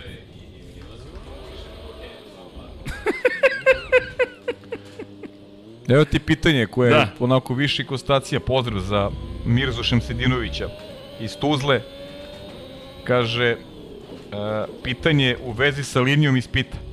Kaže, prošle godine u Austriji Juki je nagazio liniju više puta i dobio svaki put kaznu po 5 sekundi Tako uz je. objašnjenje linija dođe kao nevidljivi zid i ako dotakne Tako udarili je. bi. Zašto oni to ne gledaju više tako? Pa, Evo, objašnjenje... Lepo, lepo si Mirza dao i objašnjenje i pitanje je konstatacije sa kojom se obojca slažemo, tako da nema, nema šta da se doda, sve, sve stoji i hvala ti na ovom podsjetniku, ja, ja sam iskreno zaboravio to, ali najbolji mogući primer.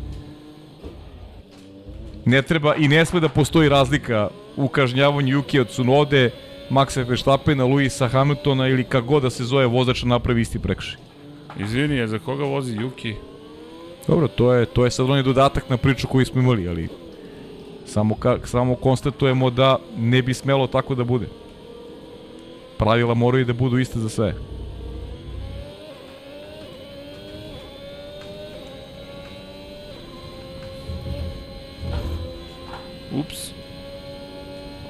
Did it again.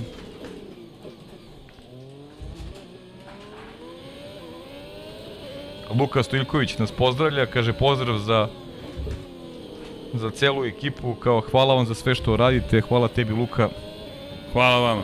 za učestvovanje u ovim podcastima, za pitanja koje postavljaš i nadamo se da će ih biti i, i u buduće. Dobro, ajmo sad da vidimo. Gde smo po pitanju kruga?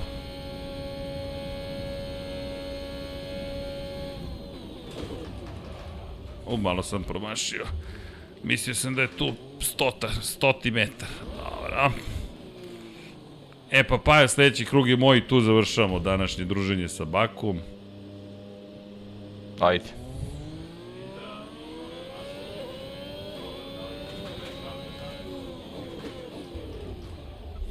Da Ricardo zameni Latifi u Williamsu. Uf, pa to je Teško. moguće, ali da bi to Ricardo hteo? Teško je, zaista ne verujem. To je za njega baš ogroman problem. Ne zaboravimo, Ricardo uzeo mnogo novca od McLarena. To je ono što je Pavle objašnjavao i kada je reč o ugovorima i s Renaultom i sa McLarenom bilo. Ricardo je tražio da bude plaćen prosto. To je ono što nije imao, generalno. Da, nije imao, imao je vrlo mali, malo slabo plaćen ugovor u Red Bullu. U Red Bullu je imao mnogo malu količinu novca i to je bio onaj početnički takozvani ugovor gde nije bilo nekog ozbiljnijeg poštovanja prema njemu iz te perspektive i kada su mu ponudili veći, Renault je ponudio mnogo veći. I to je to. A kasnije McLaren došao i rekao, ej, mi ćemo ti dati ozbiljnu količinu novca i Ricardo je na to pristao. Tako da ne vidim Williams da će odrešiti kesu, mada i njegova pozicija se sad ozbiljno promenila. Sad mora da traži načina da ostane u Formuli 1, a ne da zaradi pare. U mnogo je teže pričati i voziti, moram priznati. Mislim da možeš da. lagano da odustaješ. Ne, ne, ovo, pa ovaj sledeći krug je moj. Aha. To, ovo je bila priprema, tamo sam već bio izleteo. To Ti je si, to. ti si u pripremnom klubu izleteo tako je, sad. tako je. Šta, koje su? Za podijum sad u Baku? U, to je zanimljivo pitanje. Pa evo, ja sam rekao šta... Znači, Leclerc...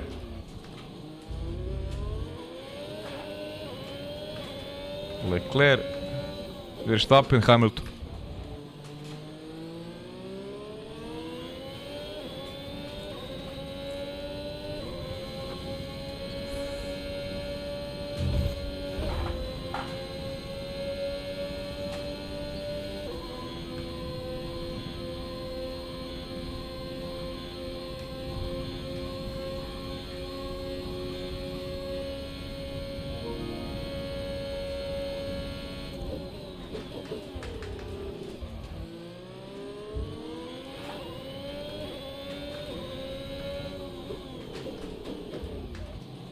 Ali stavljam Leclera samo iz te pozicije onoga što bi negdje iz moje perspektive bilo dobro da se dogodi. Da, da, Lecler, da Ferrari prekine taj loš niz i da i da pobedi u trci, eto.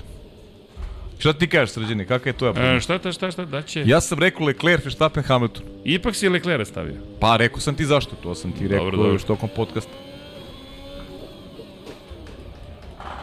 Um, ne, šta, šta ja kažem? Vodeća trojica.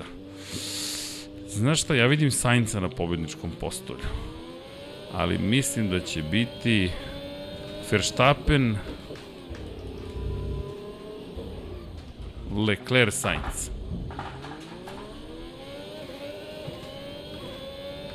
Dobro. Kako ti to zvuči? Okej, pa ne razlikujemo se mo- mnogo, samo što si ima Hamiltona ovaj. Aj, si par- stavio Sainca? Nisam.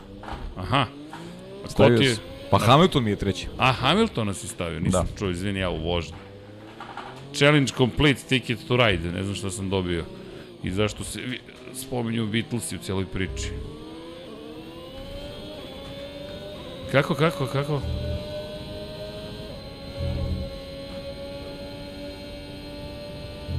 Izvini, Vanja, pokušavam da se skoncentrišem. Nemam predstavu šta si mi rekao. Ali ponovim da pokušam da razumem. A- A, moguće. E, sad sam stvarno pokušao da se skoncentrišem, ali uopšte nije jednostavno. Dobro.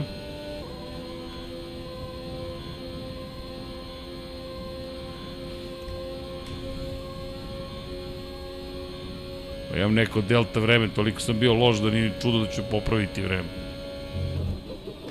A ne, ne, ne, promašio sam. Dobro. Promašio sam, sve čekam 150 metara, ali dobro. Ili restart lap, a? Šalim se, nećemo da mučimo publiku. Ajde Srki. Evo, čovjek je rekao ajde Srki. Ako čovjek kaže šta vi kažete? Ja mislim da je to onda sasvim u redu. Evo. Evo, još jedan počasni.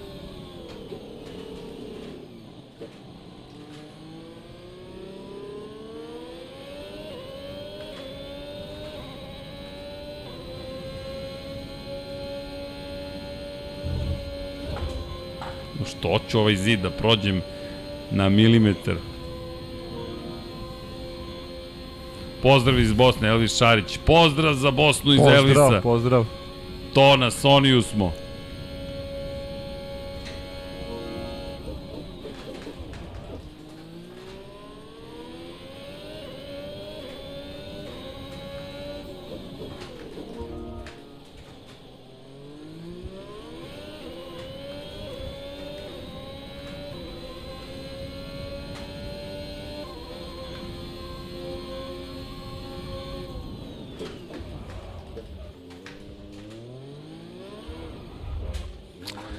Ja, bre, srđane. Dobro.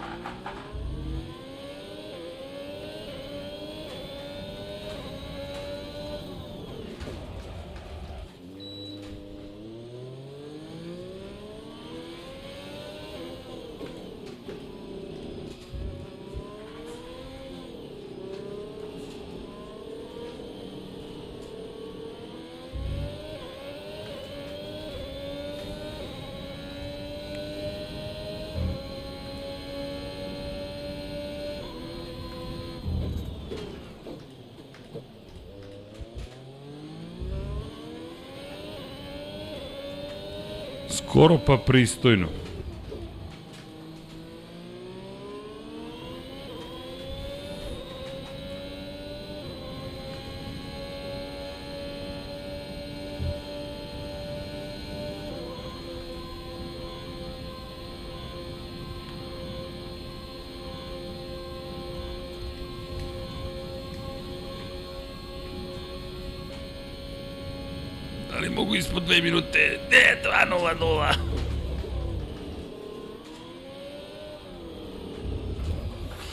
I tu bih se, tu bi se završio današnje druženje. Okej. Uhvatio si ti to ruku. Tako je, Elvise, nije loše bilo. Nije bilo loše na kraju.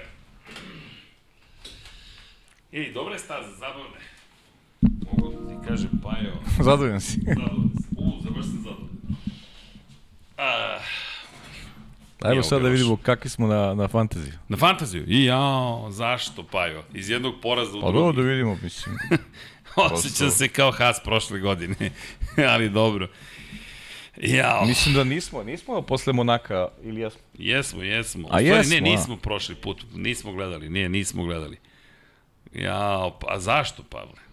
Pa dobro, malo se igramo šta. Slažem se. koji smo. Fantasy, formula1.com. Ajmo da vidimo, koleginici iz prodaje, pogledaj osmeh, pogledaj osmeh, na, pogledaj osmeh na licu, zato što ovde pobeđuje. Jao, dobro. Ko da je, ko da je teško pojeti tebi i meni. Vidi, baš smo... Ej, čekaj, Mi smo baš F1 i menadžer. F1 menadžer 2022. Ljudi, stiže F1 menadžer za one koji su zainteresovani za taj deo priče, to nije fantazi. Koje su cene? Inače, na Steamu će biti za PC, na Epic Gamesu takođe, PS5, PS4 standardno, jel te, diskovi, PlayStation, eh, prodavnica zvanična, Xbox serija, eh, Xbox One, to jest XS takođe, pre-order, da vidim cene, nisam bacio pogled na cene, kaže, dajte, mi smo na PlayStationu, eh, digital, Pa dobro, koliko košta? Samo piše pre-order now. dobro, evo, physical ćemo da. Check your local retail for availability. Ok. Pre-order now, da vidimo. PlayStation 47 funti. Ali ako imamo PlayStation Plus 43 funte, pa naravno da imamo PlayStation Plus. Ništa, to ćemo mi da proverimo kod ljudi sa kojima mi sarađujemo oko jel te, PlayStationa. No, da se vratimo mi na fantasy. Dakle, imamo u gameplayu našem Ajmo da vidimo My Games, šta kaže. Zvanična liga, ja sam 3740 od 4280 ljudi. Inače... Da napreduješ. Gde, negativno, napred, negativni napredak. Inače, trenutno vodeći, Mr. Larbo, Larry T iz Kanade, trenutno vodeći, 199 poena u, u Monaku, Rošu Racing, Uroš je na poziciji 2, Emery Motorsport, Wilburn E, Team 1, Donald N, ide Haas na Max, Steven Stojev, zatim Skuderija, Lavlok, Maršan L, Mala Puna, Radovan B, SM Opel Mitsubishi Racing, pa Team 1 i F je EF1 na pozicijama. Ali imam čudno noći da se ovde nešto da, desilo. Da li sam opet otključao našu ligu nekim čudom, pa sad ljudi mogu da uskaču na pola sezone. Moram to da proverim. Ali nisam je otključavao. Moram da vidim. Okej. Koji ajde. smo mi? Ajde, vidi koji sam ja, ne znam. Koji si ti? Sad ćemo da vidimo. Pavle Živković. Taj sam. Prisutan na čas. Pavle, Paja Ž i Paja Ž. Nisi ti Paja Ž. Pavle Z. Ne. Ne. Ne. Pa ne, gledam. Gleda ovde pomoć prijatelja. Pomoć prijatelja. Čekaj, jel ti imaš Leclera, Pereza, Norisa, Gaslija, Bottasa Tako i je, Ferrari? taj sam. Pa piše Paja Ž da ti je tim. Ne, Pavle Ž je ispod, a Paja Ž ti je ekipa. Taj sam. Paja Ž, okej. 476 si. Ali 476. O, pa jo, bravo. Šta se dobija za 476. mesto? E, tač, tačno to. Dakle, 476. Wow! Čekaj da vidim šta si uradio u Monaku. 208 poena. Ne, Španija te, Španija te koštala. Leclerc te tu koštao dosta. Gasly isto nije bio preterano dobar, ali svaka čast Pavle, svaka čast, čekaj da vidimo koleginicu iz prodaje, gde se nalazi koleginica, Tako se zove, kolegini. stota je. U, pali smo, samo 187 poena Monaku. Čekaj Pa, da pad favorit. Jao, znaš koga je imala? Magnusena. Kevin minus 6 poena. Mamin Magnusin je... E, da sam shvatio. E, ček, malo sam sporio. Još sam u Formuli 1. Pa dobro, još si- tek- tek si stigao, Tek sam tek si stigao. Dobro, Vanja, ti ne igraš. I da vidim gde sam ja. Pa rekao si da vidim ne, ne, gde ne, sam ne, ja. koji sam... Gde Deki? Jao, 3740. Bož. Pa napreduješ, stvarno se ti, ja, ja, ti, ja hoću to Ma krebrima moćna ti. 153 poena je. Pazi ti, da, da, da, za, zaista. Na, a znaš ko, koga imam u ekipi? Cunodu i Šumahira. Minus 5 i minus Pa 8. imaš jake, jake štihove imaš. Sad ćete vi da vidite Deki? kada se okrene situacija. Potkonjak, gospodin Potkonjak, Potkonjak. Potkonjak, Deki Potkonjak, da, ne, ovo je Vuk, Dejan P, čekaj da nađemo Dejana. Dejan, Dejan, Dejan, Dejan, Dejan, Dejan, Dejan, Dejan, Dejan, Dejan, koji Dejan? Pop GP nije, Dejan P. A kako da znam koji je Dejan? Uvijek ga teško nalaziš. On se krije negde. A, Vidi da nije Dejan Liverpool. najbolji plan. pa pazi, DMP, neki DMP Pop GP je 1420. Ima Team 3 DMP, na poziciji je 1790. Molim? Nikada Deki. Da, Deki se ne nalazi. Da nije Žakareka, Žakareka, Relum. Žakareka Gua. Žakarepa Gua. Jakarepa. Nema ga. Ne znam gde je deki. Ali, ljudi, učestvujte u fantaziju, bit će zabavno, ja se nadam, a nama će najzad stići neki momenti za prošlu godinu, najzad da to isto sredimo, ali dobro, ne odustajemo. Počeo sam da zevam dok si tražio, dok si tražio Deki. Dok... Hvala ti, pa. Hvala ti, ali dobro, nisi... Deki nam, Deki nam pravi probleme uvijek. Ali, Znaš, ali, ali, ali, ali. Ali, ali, nisi zevao dok sam ja vozio. Tamo posle, tu sam uživao. To ti kažem, to. Moje zadovoljstvo. Zadovoljstvo je bilo samo isključivo da. moje, veruj mi. Ne, ali Deki je, Deki je, pronaći Deki je, to je postalo ono kao zagonetka neka. Gde, gde se krije Deki? A, Gde se krije? Kaže Deki Andrić, pazi, pazi kakav on tip ima, Alonso, Sainz, Hamilton. Alonso Sainz, Hamilton, dvostruka da. pobjeda Španaca. Hmm, Kaže, H- Hamilton treći, kaže, redko kad da ne prođe neki karambol na startu. Vidiš ti na što on aludira. dobro, ali... Kaže, za tebi ima pitanje, Jack Miller prešao KTM. Da, Njegovo mišljenje, to je dobro ili loše za KTM. Ajde sad imamo... dalje dobro ili loše za KTM. Uf, uf, uf, uf, uf. Pa ja mislim da to nije neki pretrano dobar potez za KTM, iskreno. Hmm. Zato što Jack Miller je, ne znam, nije pokazao da može da razvije motocikl, nije pokazao da može da ovlada motocikl koji je, Ducati nije najjednostavniji ili postao dosta jednostavniji, ide u ekipu koja mnogo voli da eksperimentiše, nisam vidio metodičnost u njegovom pristupu poslu, tako da mislim da je to pokušaj da dovedu nekoga ko će biti agresivni trkač i da će to pomoći KTM-u da se izvuče maksimum iz, iz, te, iz tog motocikla, ali ja ne vidim to. Mislim da će opet biti kao i u Pramaku, kao i u Ducatiju, kao i na Mark VDS Racing Hondi, povremeno bljesak i to je to. To je moje mišljenje. Pitanje za obojicu, kaže, možda namjerno bi Noto ne stavlja veliki pritisak na svoje vozače, jer kad god su imali pritisak, pravili su greške. Pa gotovo sigurno. Gotovo sigurno, ali mislim da je, da je, da je Leclerc, to ono što je pa rekao, imao samo jednu zaista veliku grešku, to jeste Imola. Pa ne veliku, nego jednu jedinu grešku Značajnu, imao. da. ajde. I- što ti kažeš jednu jedinu, u suštini koja, se, koja je nešto značila. Tako je, koja Tako- se ticala Tako poredka. je, koja je na kraju uticala ta, upravo to na ishod trke, ali od, na, u ostalim situacijama Leclerc je dosta dobro podneo pritisak. Da, da. Sainz ne, Sainz je mm, veoma loše podneo pritisak ove sezone. jeste. Tako da, moguće da bi Noto smanjio, ali- znaš šta šta zaboravljamo?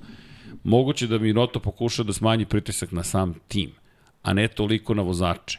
Jer mi pričamo preko hiljadu ljudi koji radi u, u ekipi Ferrarija Formula 1 i moguće da na njih pokušava da smanji pritisak. Jer oni sigurno osjećaju pritisak. Na njima je da naprave nove delove, da unaprede taj motor dodatno, da iscede maksimum iz tog bolida. Pa dobro, znaš kako ja gledam, znaš, ne treba tebi bilo ko da pravi pritisak. Ti čim si u Ferrariju, taj pritisak moraš da osjećaš. U krajnjem slučaju, pratiš medije, imaš konekciju sa navijačima, sa, sa, sam po sebi je pritisak rada u Ferrariju. Tako da, ne znam koliko ti možeš svojim izjavama da skineš pritisak sa, sa pleća oni koji, koji rade u Ferrariju, a pogotovo to misli na vozače. Jer ako si pristao dođeš u Ferrari, ti si automatski prihvatio da nosiš sav teret ovog sveta. Jer će oči javnosti biti uprto u tebe i tu nema, nema izgovora.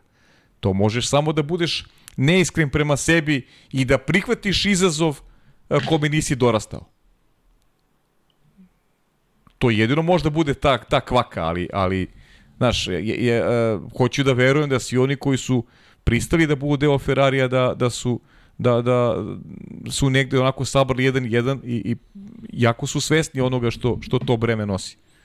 Tako da ne znam koliko tu Matija Binoto pomaže ili odmaže e, svojim izjavama. A opet mislim da može da utiče e, onako jasnije na, na svest oni koji su rivali ako zauzme neki jasniji stav oko toga e, šta Ferrari hoće. Pa mislim A, da... a ne one izjave pred sezonu. Mi smo sad napravili čudo i mi ćemo da... Ne, nego kad imaš argument u rukama, onda treba budeš agresivan. Ali ima, i na šta tu ima još jedna stvar, mislim da si ti pogodio pravu stvar, a to je zapravo kultura u okviru kompanije. Ili ti moraš da gradiš pobednički mentalitet, pobednički duh u celoj priči. A, kao što je Toto Wolff, na primjer, ne kažem da radio savršen posao naprotiv, pogotovo ove godine, ali njegovo javljanje Lewisu Hamiltonu imali, to je ono što Deki lepo rekao. I odgovor Hamiltona, ej, zajedno ćemo kroz ovo da prođemo, je velika stvar koja utiče na kulturu cele kompanije. Pre čemu od Mercedesa se očekuje da pobedi, od Ferrarija se očekuje da ne uspe. To je tragedija trenutne pozicije Ferrarija. Jer većinom ljudi govore sigurno će Fer... sada smo se vratili na onaj nivo da se Ferrari posmatra kao grupa klovnova. I toliko je mema bilo u, u, u etru posle Monaka u kojima sede i gledaju ka garažama da. kao klovnovi. Ali oni potvrđuju potvrđuju prosto tu sumnju i to mislim da mora da se promeni i mislim da si ti u pravu da bi trebalo da se radi na tome da kada dolaziš u Ferrari dolaziš da pobeđuješ, a ne da budeš blizu uspeha i da je dovoljno ja radim za Ferrari. Ne, ti treba da uveličaš priču o Ferrariju ili bilo kojoj drugoj ekipi time što će te pobeđivati. Pa, znaš kako, e, pogledaj, a, različit je, potpuno je drugačiji dolazak Leclera u Ferrari u odnosu na Sainzu. Se, se, seti se kroz šta je prolazio Carlos Sainz, bukvalno smo se, podsmevali su mu se Kad je potpisao za kad Ferrari. ideš u Ferrari iz ovakvog McLarena. Tako je. Znaš, i, i, i on je dolaz, došao u Ferrari u tim iz koga on može samo da izvuče neki benefit jer gore ne može da bude. A on je posle godinu dana dobio nešto što je super upravljiv bolid. Ali dobijamo situaciju koji se Carlos Sainz ne snalazi baš najbolje u takvoj ulozi. A Charles Leclerc je došao, uh, Charles Leclerc je uh, realno malo uh, poremetio stanje stvari u Ferrariju. Pa dobro došao kao izabrani. Došao, a ok, ali je došao na noge četvorostrukan šampion. Jeste, I, ali... I imao bolice kojim je mogao i da pobedi. I to je i uradio. Znaš, tu već imaš drugačiji pristup i to je već moment gde Ferrari treba jasno da se opredeli u korist Charles Leclerc. Da, ali da li se opredelio jasno? Pa nije. Nije, čak Pa ni tada se pričamo. nije jasno opredelio. O tome pričamo. a, a, a, Nikad mi- se nije jasno Mislim da je opredelio. nacrtana situacija u kojoj je Charles Leclerc kažem, treba da bude mislim izabranik. da moraju da promene svoju kulturu. A to je to. To nije lako, ali moraju da promene kulturu. Kada smo kod kulture, hvala koleginice, 8 minuta pre nego što je počeo naš podcast je Kongres Brazila izglasao odluku da se Lewisu Hamiltonu dodeli počasno, počasno državljanstvo Brazila. I Hamilton je to objavio na Instagramu, inače potvrdile su i agencije, tako da je postao počasni građanin Brazila, fenomenalno. Mnogo lepa stvari rekao je, neverovatan osjećaj jedan od mojih omiljenih mesta na planeti Zemlji me upravo učinilo svojim počasnim građaninom. I to je zaista prelepo, pogotovo posle prošlogodišnje trke, odnosa prema Seni, pogleda na Senu kao njegovog idola i eto, lep, lep Da, to je sve zaista. inspirisalo naravno Brazil kao državu da, da Da reaguje. ukaže takvu vrstu- počesti. Tako Pa da lepo, zaista Nema lepo. šta dodamo, lepo jeste. Eto, to je lepo čuti. Da Jedan vozač Formule 1. Ovo je veće od Pa, Luisa Hamiltona. Bilo, Ovo je bilo vozač koji Formule čovek 1. da dobije Tako takvu je. počast od, od države koja nije njegova je Velika stvar. Sva, sigurno velika stvar i lep osjećaj. Čovjek koji je imao brazilsku zastavu spremnu prošle godine, startovo sa začelja u sprint trci, pa posle opet manje više skoro manje više sa začelja, pa uspeo da pobedi u momentu kada mu je to bilo potrebno kako bi održao šanse da osvoji osmu šampionsku titulu i dalje u životu. Inače, zanimljivo, ako sam dobro video, Pumina prodavnica u Češkoj drži na posteru za promociju Luisa Hamiltona da je osmostruki šampion sveta Formule 1. Nisam to vidio. Da, dakle, bizarna situacija. Ali okej, okay, eto, nastavlja se ta priča o Abu Dhabiju, ne, potpuno bizarno. Ali to sam negde video, moram da proverim, nemojte zameriti ako prenosim pogrešnu informaciju, moramo da prođemo, ali sam to video na netu, da je neko postavio fotografiju bukvalno iz butika i kaže osmostruki šampion sveta Formule 1.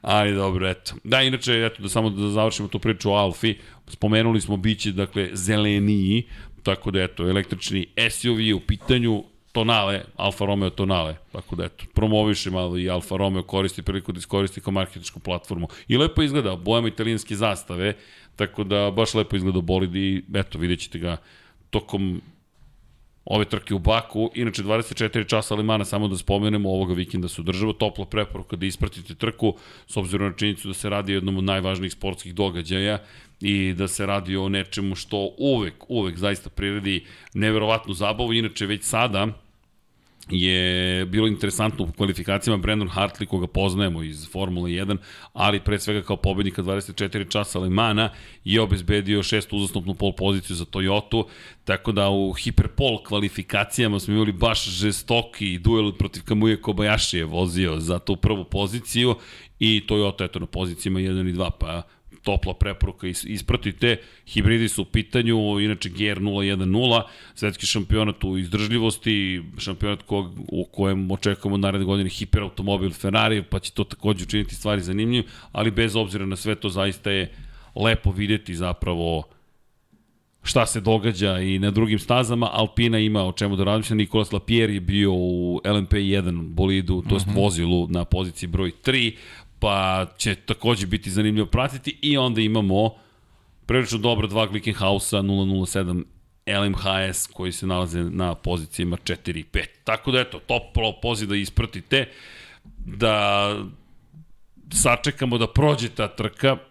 Jedina zaista preporuka koju možemo da damo je da, da se potrudite da gledate tu trku s obzirom na činjenicu da eto, u hiperautomobilima imamo Alpinu, a, a 480, da, A480, imamo Glickenhause, imamo Toyota, pa eto, bit će interesantno, naredne godine čekamo naravno i Ferrari, to je ta čuvena priča, pa da vidimo šta će se tu sve, sve događati, a na koga da tipujete, pa Toyota deluje zaista dobro, ali ko zna, možda Glickenhaus može nešto. Ryan Brisco je tu, to, to je interesantno makar meni, pa ćemo da vidimo. Ne znam zašto, ali Ryan Brisco meni deluje dobro u tom Glickenhausu. Eto, inače, kada je reč o 24 časa Lemana, čekamo 90. izdanje zapravo čuvene trke, za one koji eventualno ne znaju, to je jedna od najvažnijih trka koja se održava u, u kontekstu automobilizma i mesto koje je zaista hram trkanja, ukoliko ste pratili prvi Moto Grand Prix trku u Francuskoj ove sezone, mogli ste da vidite kakva atmosfera bila u Francuskoj s obzirom na činjenicu da je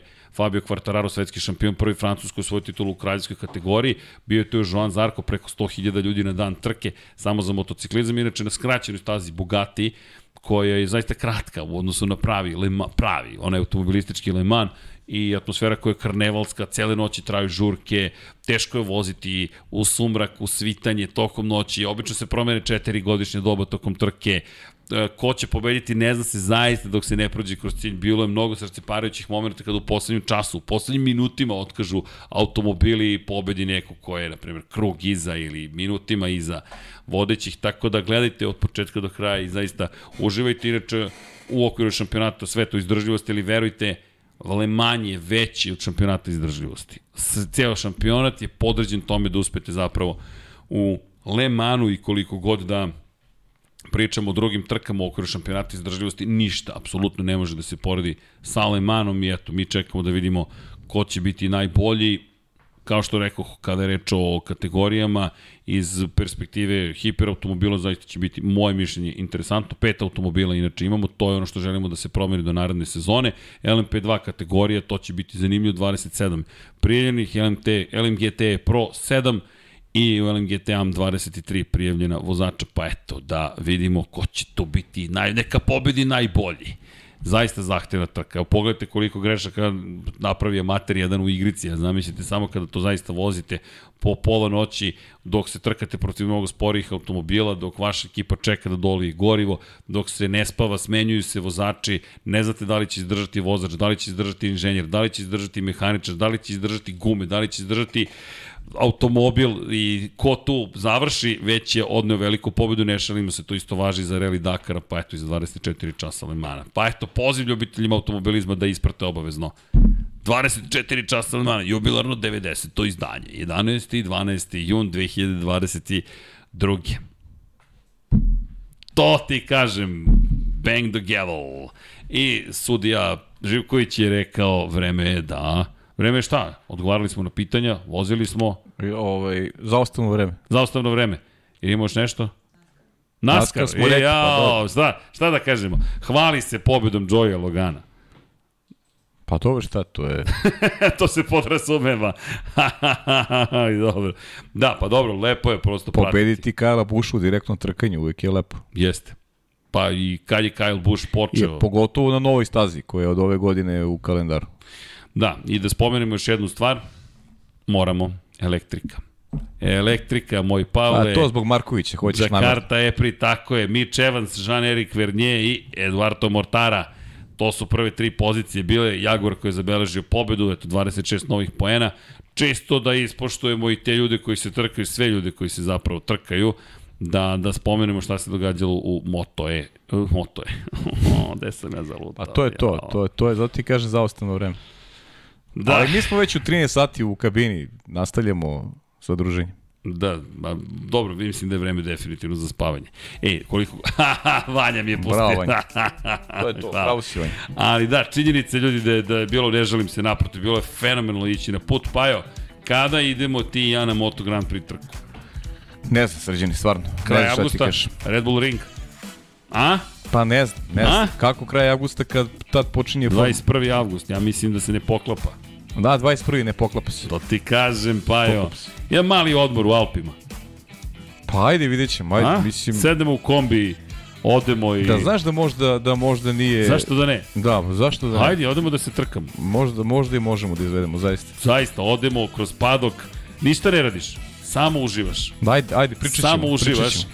a sredimo intervju sa Valentinom Rosijom. Kaže, može šef ekipe, imamo mi našeg šefa ekipe koji bi da porazgovara nešto. Moram da provežbam italijanski. Može, zašto ne, ajde. Može. Ok, ovo je načelni dogovor, dame i gospodo, čuli ste ekskluzivno u Lab 76 207. Kome se dopao odgovor Pine, udrite like, kome se još više dopao, da se ponovim, udrite subscribe, ako već niste, ako jeste, pa preporučite nas, podelite video i recite dođi da pratiš Lab 76 jer zabava je celonoćna, pogotovo kad se vratimo umorni sa putovanja. Elem, vreme je da se polako ali sigurno pozdravljamo i odjavljujemo. Danas gospodin Dejan Potkonjak nije mogao biti s nama, raznorazne obaveze su ga sprečile u dolasku, ali Deki je bio tu, a bit će verovatno i ovih dana kada ponovo krenemo da kosmosom se bavimo. E, udrite like. Svi udrite like, potrebno je da algoritam malo šš, pokrenemo. Ajmo lajkovi, lajkovi, dajte lajkove. Bar to ništa ne košta, jedan klik, udari se like i kaže se, uuu, bilo je zabavno večeras. I, naravno, bit će još zabavnije sledeće nedelje kada budemo imali priliku da analiziramo veliku razinu Azerbejdžan, je. veliku nagradu. Azerbejdžana. Tako je, utorak ovoga puta bit ćemo utorak, a pre nego što se odjavimo, naravno da pročitamo, pa evo, pazi, ovo čak i ti možeš da čitaš, ali ne brini, neću te mučiti, samo hoću ti kažem da je font adekvatan. Sinoć sam proverio. Dobro, Bilo ti ćeš ovog puta, ja ću Čekaj. sledeći. A, da. A? Sjajno. tam, koga zanima šta sam pokazao, neka kupi knjigu.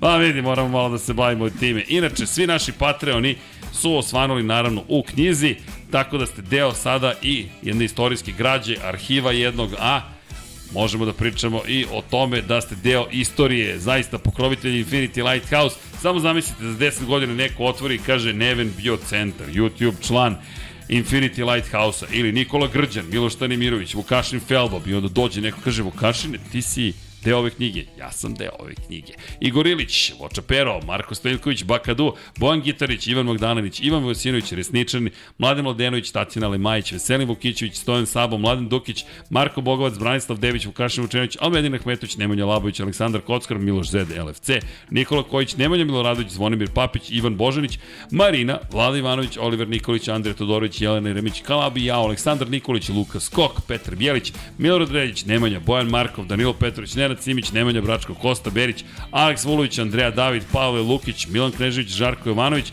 Armin Šabanija i Nenad Lukić. Dakle, svi ste deo knjige ne samo Infinity Lighthouse-a, već svega što se dešava ovde. Patreon pokrovitelji, ista priča važi. Ko želi da nas podrži, idite na patreon.com kroz Infinity Lighthouse. Verujte, vaša podrška i te kako znači. Dakle, tako možemo da funkcionišemo dalje kako želimo, a i da još više napredujemo. Pogledajte samo, mrdamo stvari. Pre godinu da vam je neko rekao, izdavat ćemo knjige, imate ih četiri, da li biste im poverovali? Pa ja bih verovatno rekao šta pričate. Ali tu smo, manje od jedne godine od kada smo rešili da izdamo prvu knjigu, od kada je Deki rekao, ajde.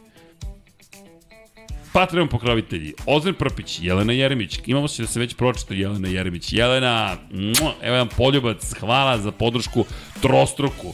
Sava, Ivan Toškov, Stefan Dulić, Mladen Krstić, Marko Mostarac, Marko Bogovac, Nena Divić, Toni Ruščić, Ivan Maksimović, Zoltan Mezej, Mario Vidović, Miloš Banduka, Aleksa Vučević, Zoran Šalamun, Ivan Simeunović, Predrag Simić, Đorđe Radović, Mihajlo Krgović, Filip Banovački, Nikola Božinović, Nenad Đorđević, Miroslav Vučinić, Monika Erceg, Omer Kovačević, Aleksandar Gošić, Jelena Mak, Luka Savić, Žorž, Stefan Vidić, Mlađan Antić, Marko Ćurčić, Borko Božunović, Milan Nešković, Bojan Mijatović, Petar Relić, Nenad Simić, Boris Gvozden, Andrej Božo, Josip Kočić, Mirina Živković, Boris Golubar, Đorđe Andrić, Zorana Vidić, Luka Manitašević, Ljubo Đurović, Miloš Vuletić, Dušan Ristić, Marina Mihajlović, Nemanja Miloradović, Vukašin Vučenović, Đole Bronkos, Miroslav Cvetić, Stefan Milošević, Antonio Novak, Jasenko Samarđić, Nikola Stojanović, Mihovil Stamičar, Zoran Majdov, Nemanja Jeremić, Stefan Nedeljković, Lazar Pejević, Jan Gajan, Aleksa Jelić, Tjera Vidarović, Boris Kujundžić, Aleksandar Antonović, Nemanja Zagorec, Dejan Vujović, Aca Vizla, Milan Ristić, Igor Vučković, Vukašin Jekić, Igor Gašparić, Aleksandar M, Žarko Milić, Branko Bisački, Dejan Đokić, Bahter Abdurmarov,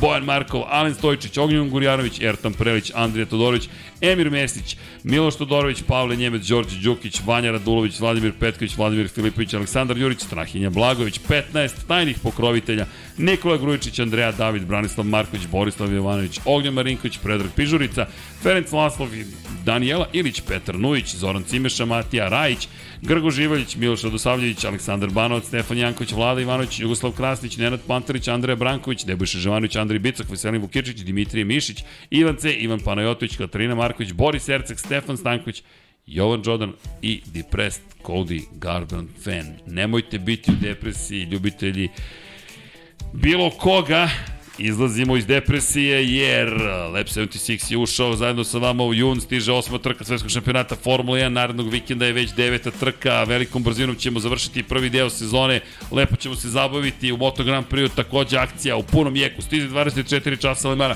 Filip vozi u Formuli 4, pohvale, pohvale za Dina Beganovića, dečko, uuu, rastura, dakle, super izgleda u regionalnom šampionatu Evrope, držimo mu punu podršku svima, gde god da ste, šaljemo ljubav, brodovi, avioni, kamioni, putnici, pešaci, podcasteri, youtuberi, kogod da ste, evo jedna velika ljubav i naravno u ime cele ekipe Infinity Lighthouse, gospodin Živković, moja malenkost, vam šaljemo puno pozdrava. Dragi Lepo ljudi, spavajte ljudi. Ćao, Ćao svima.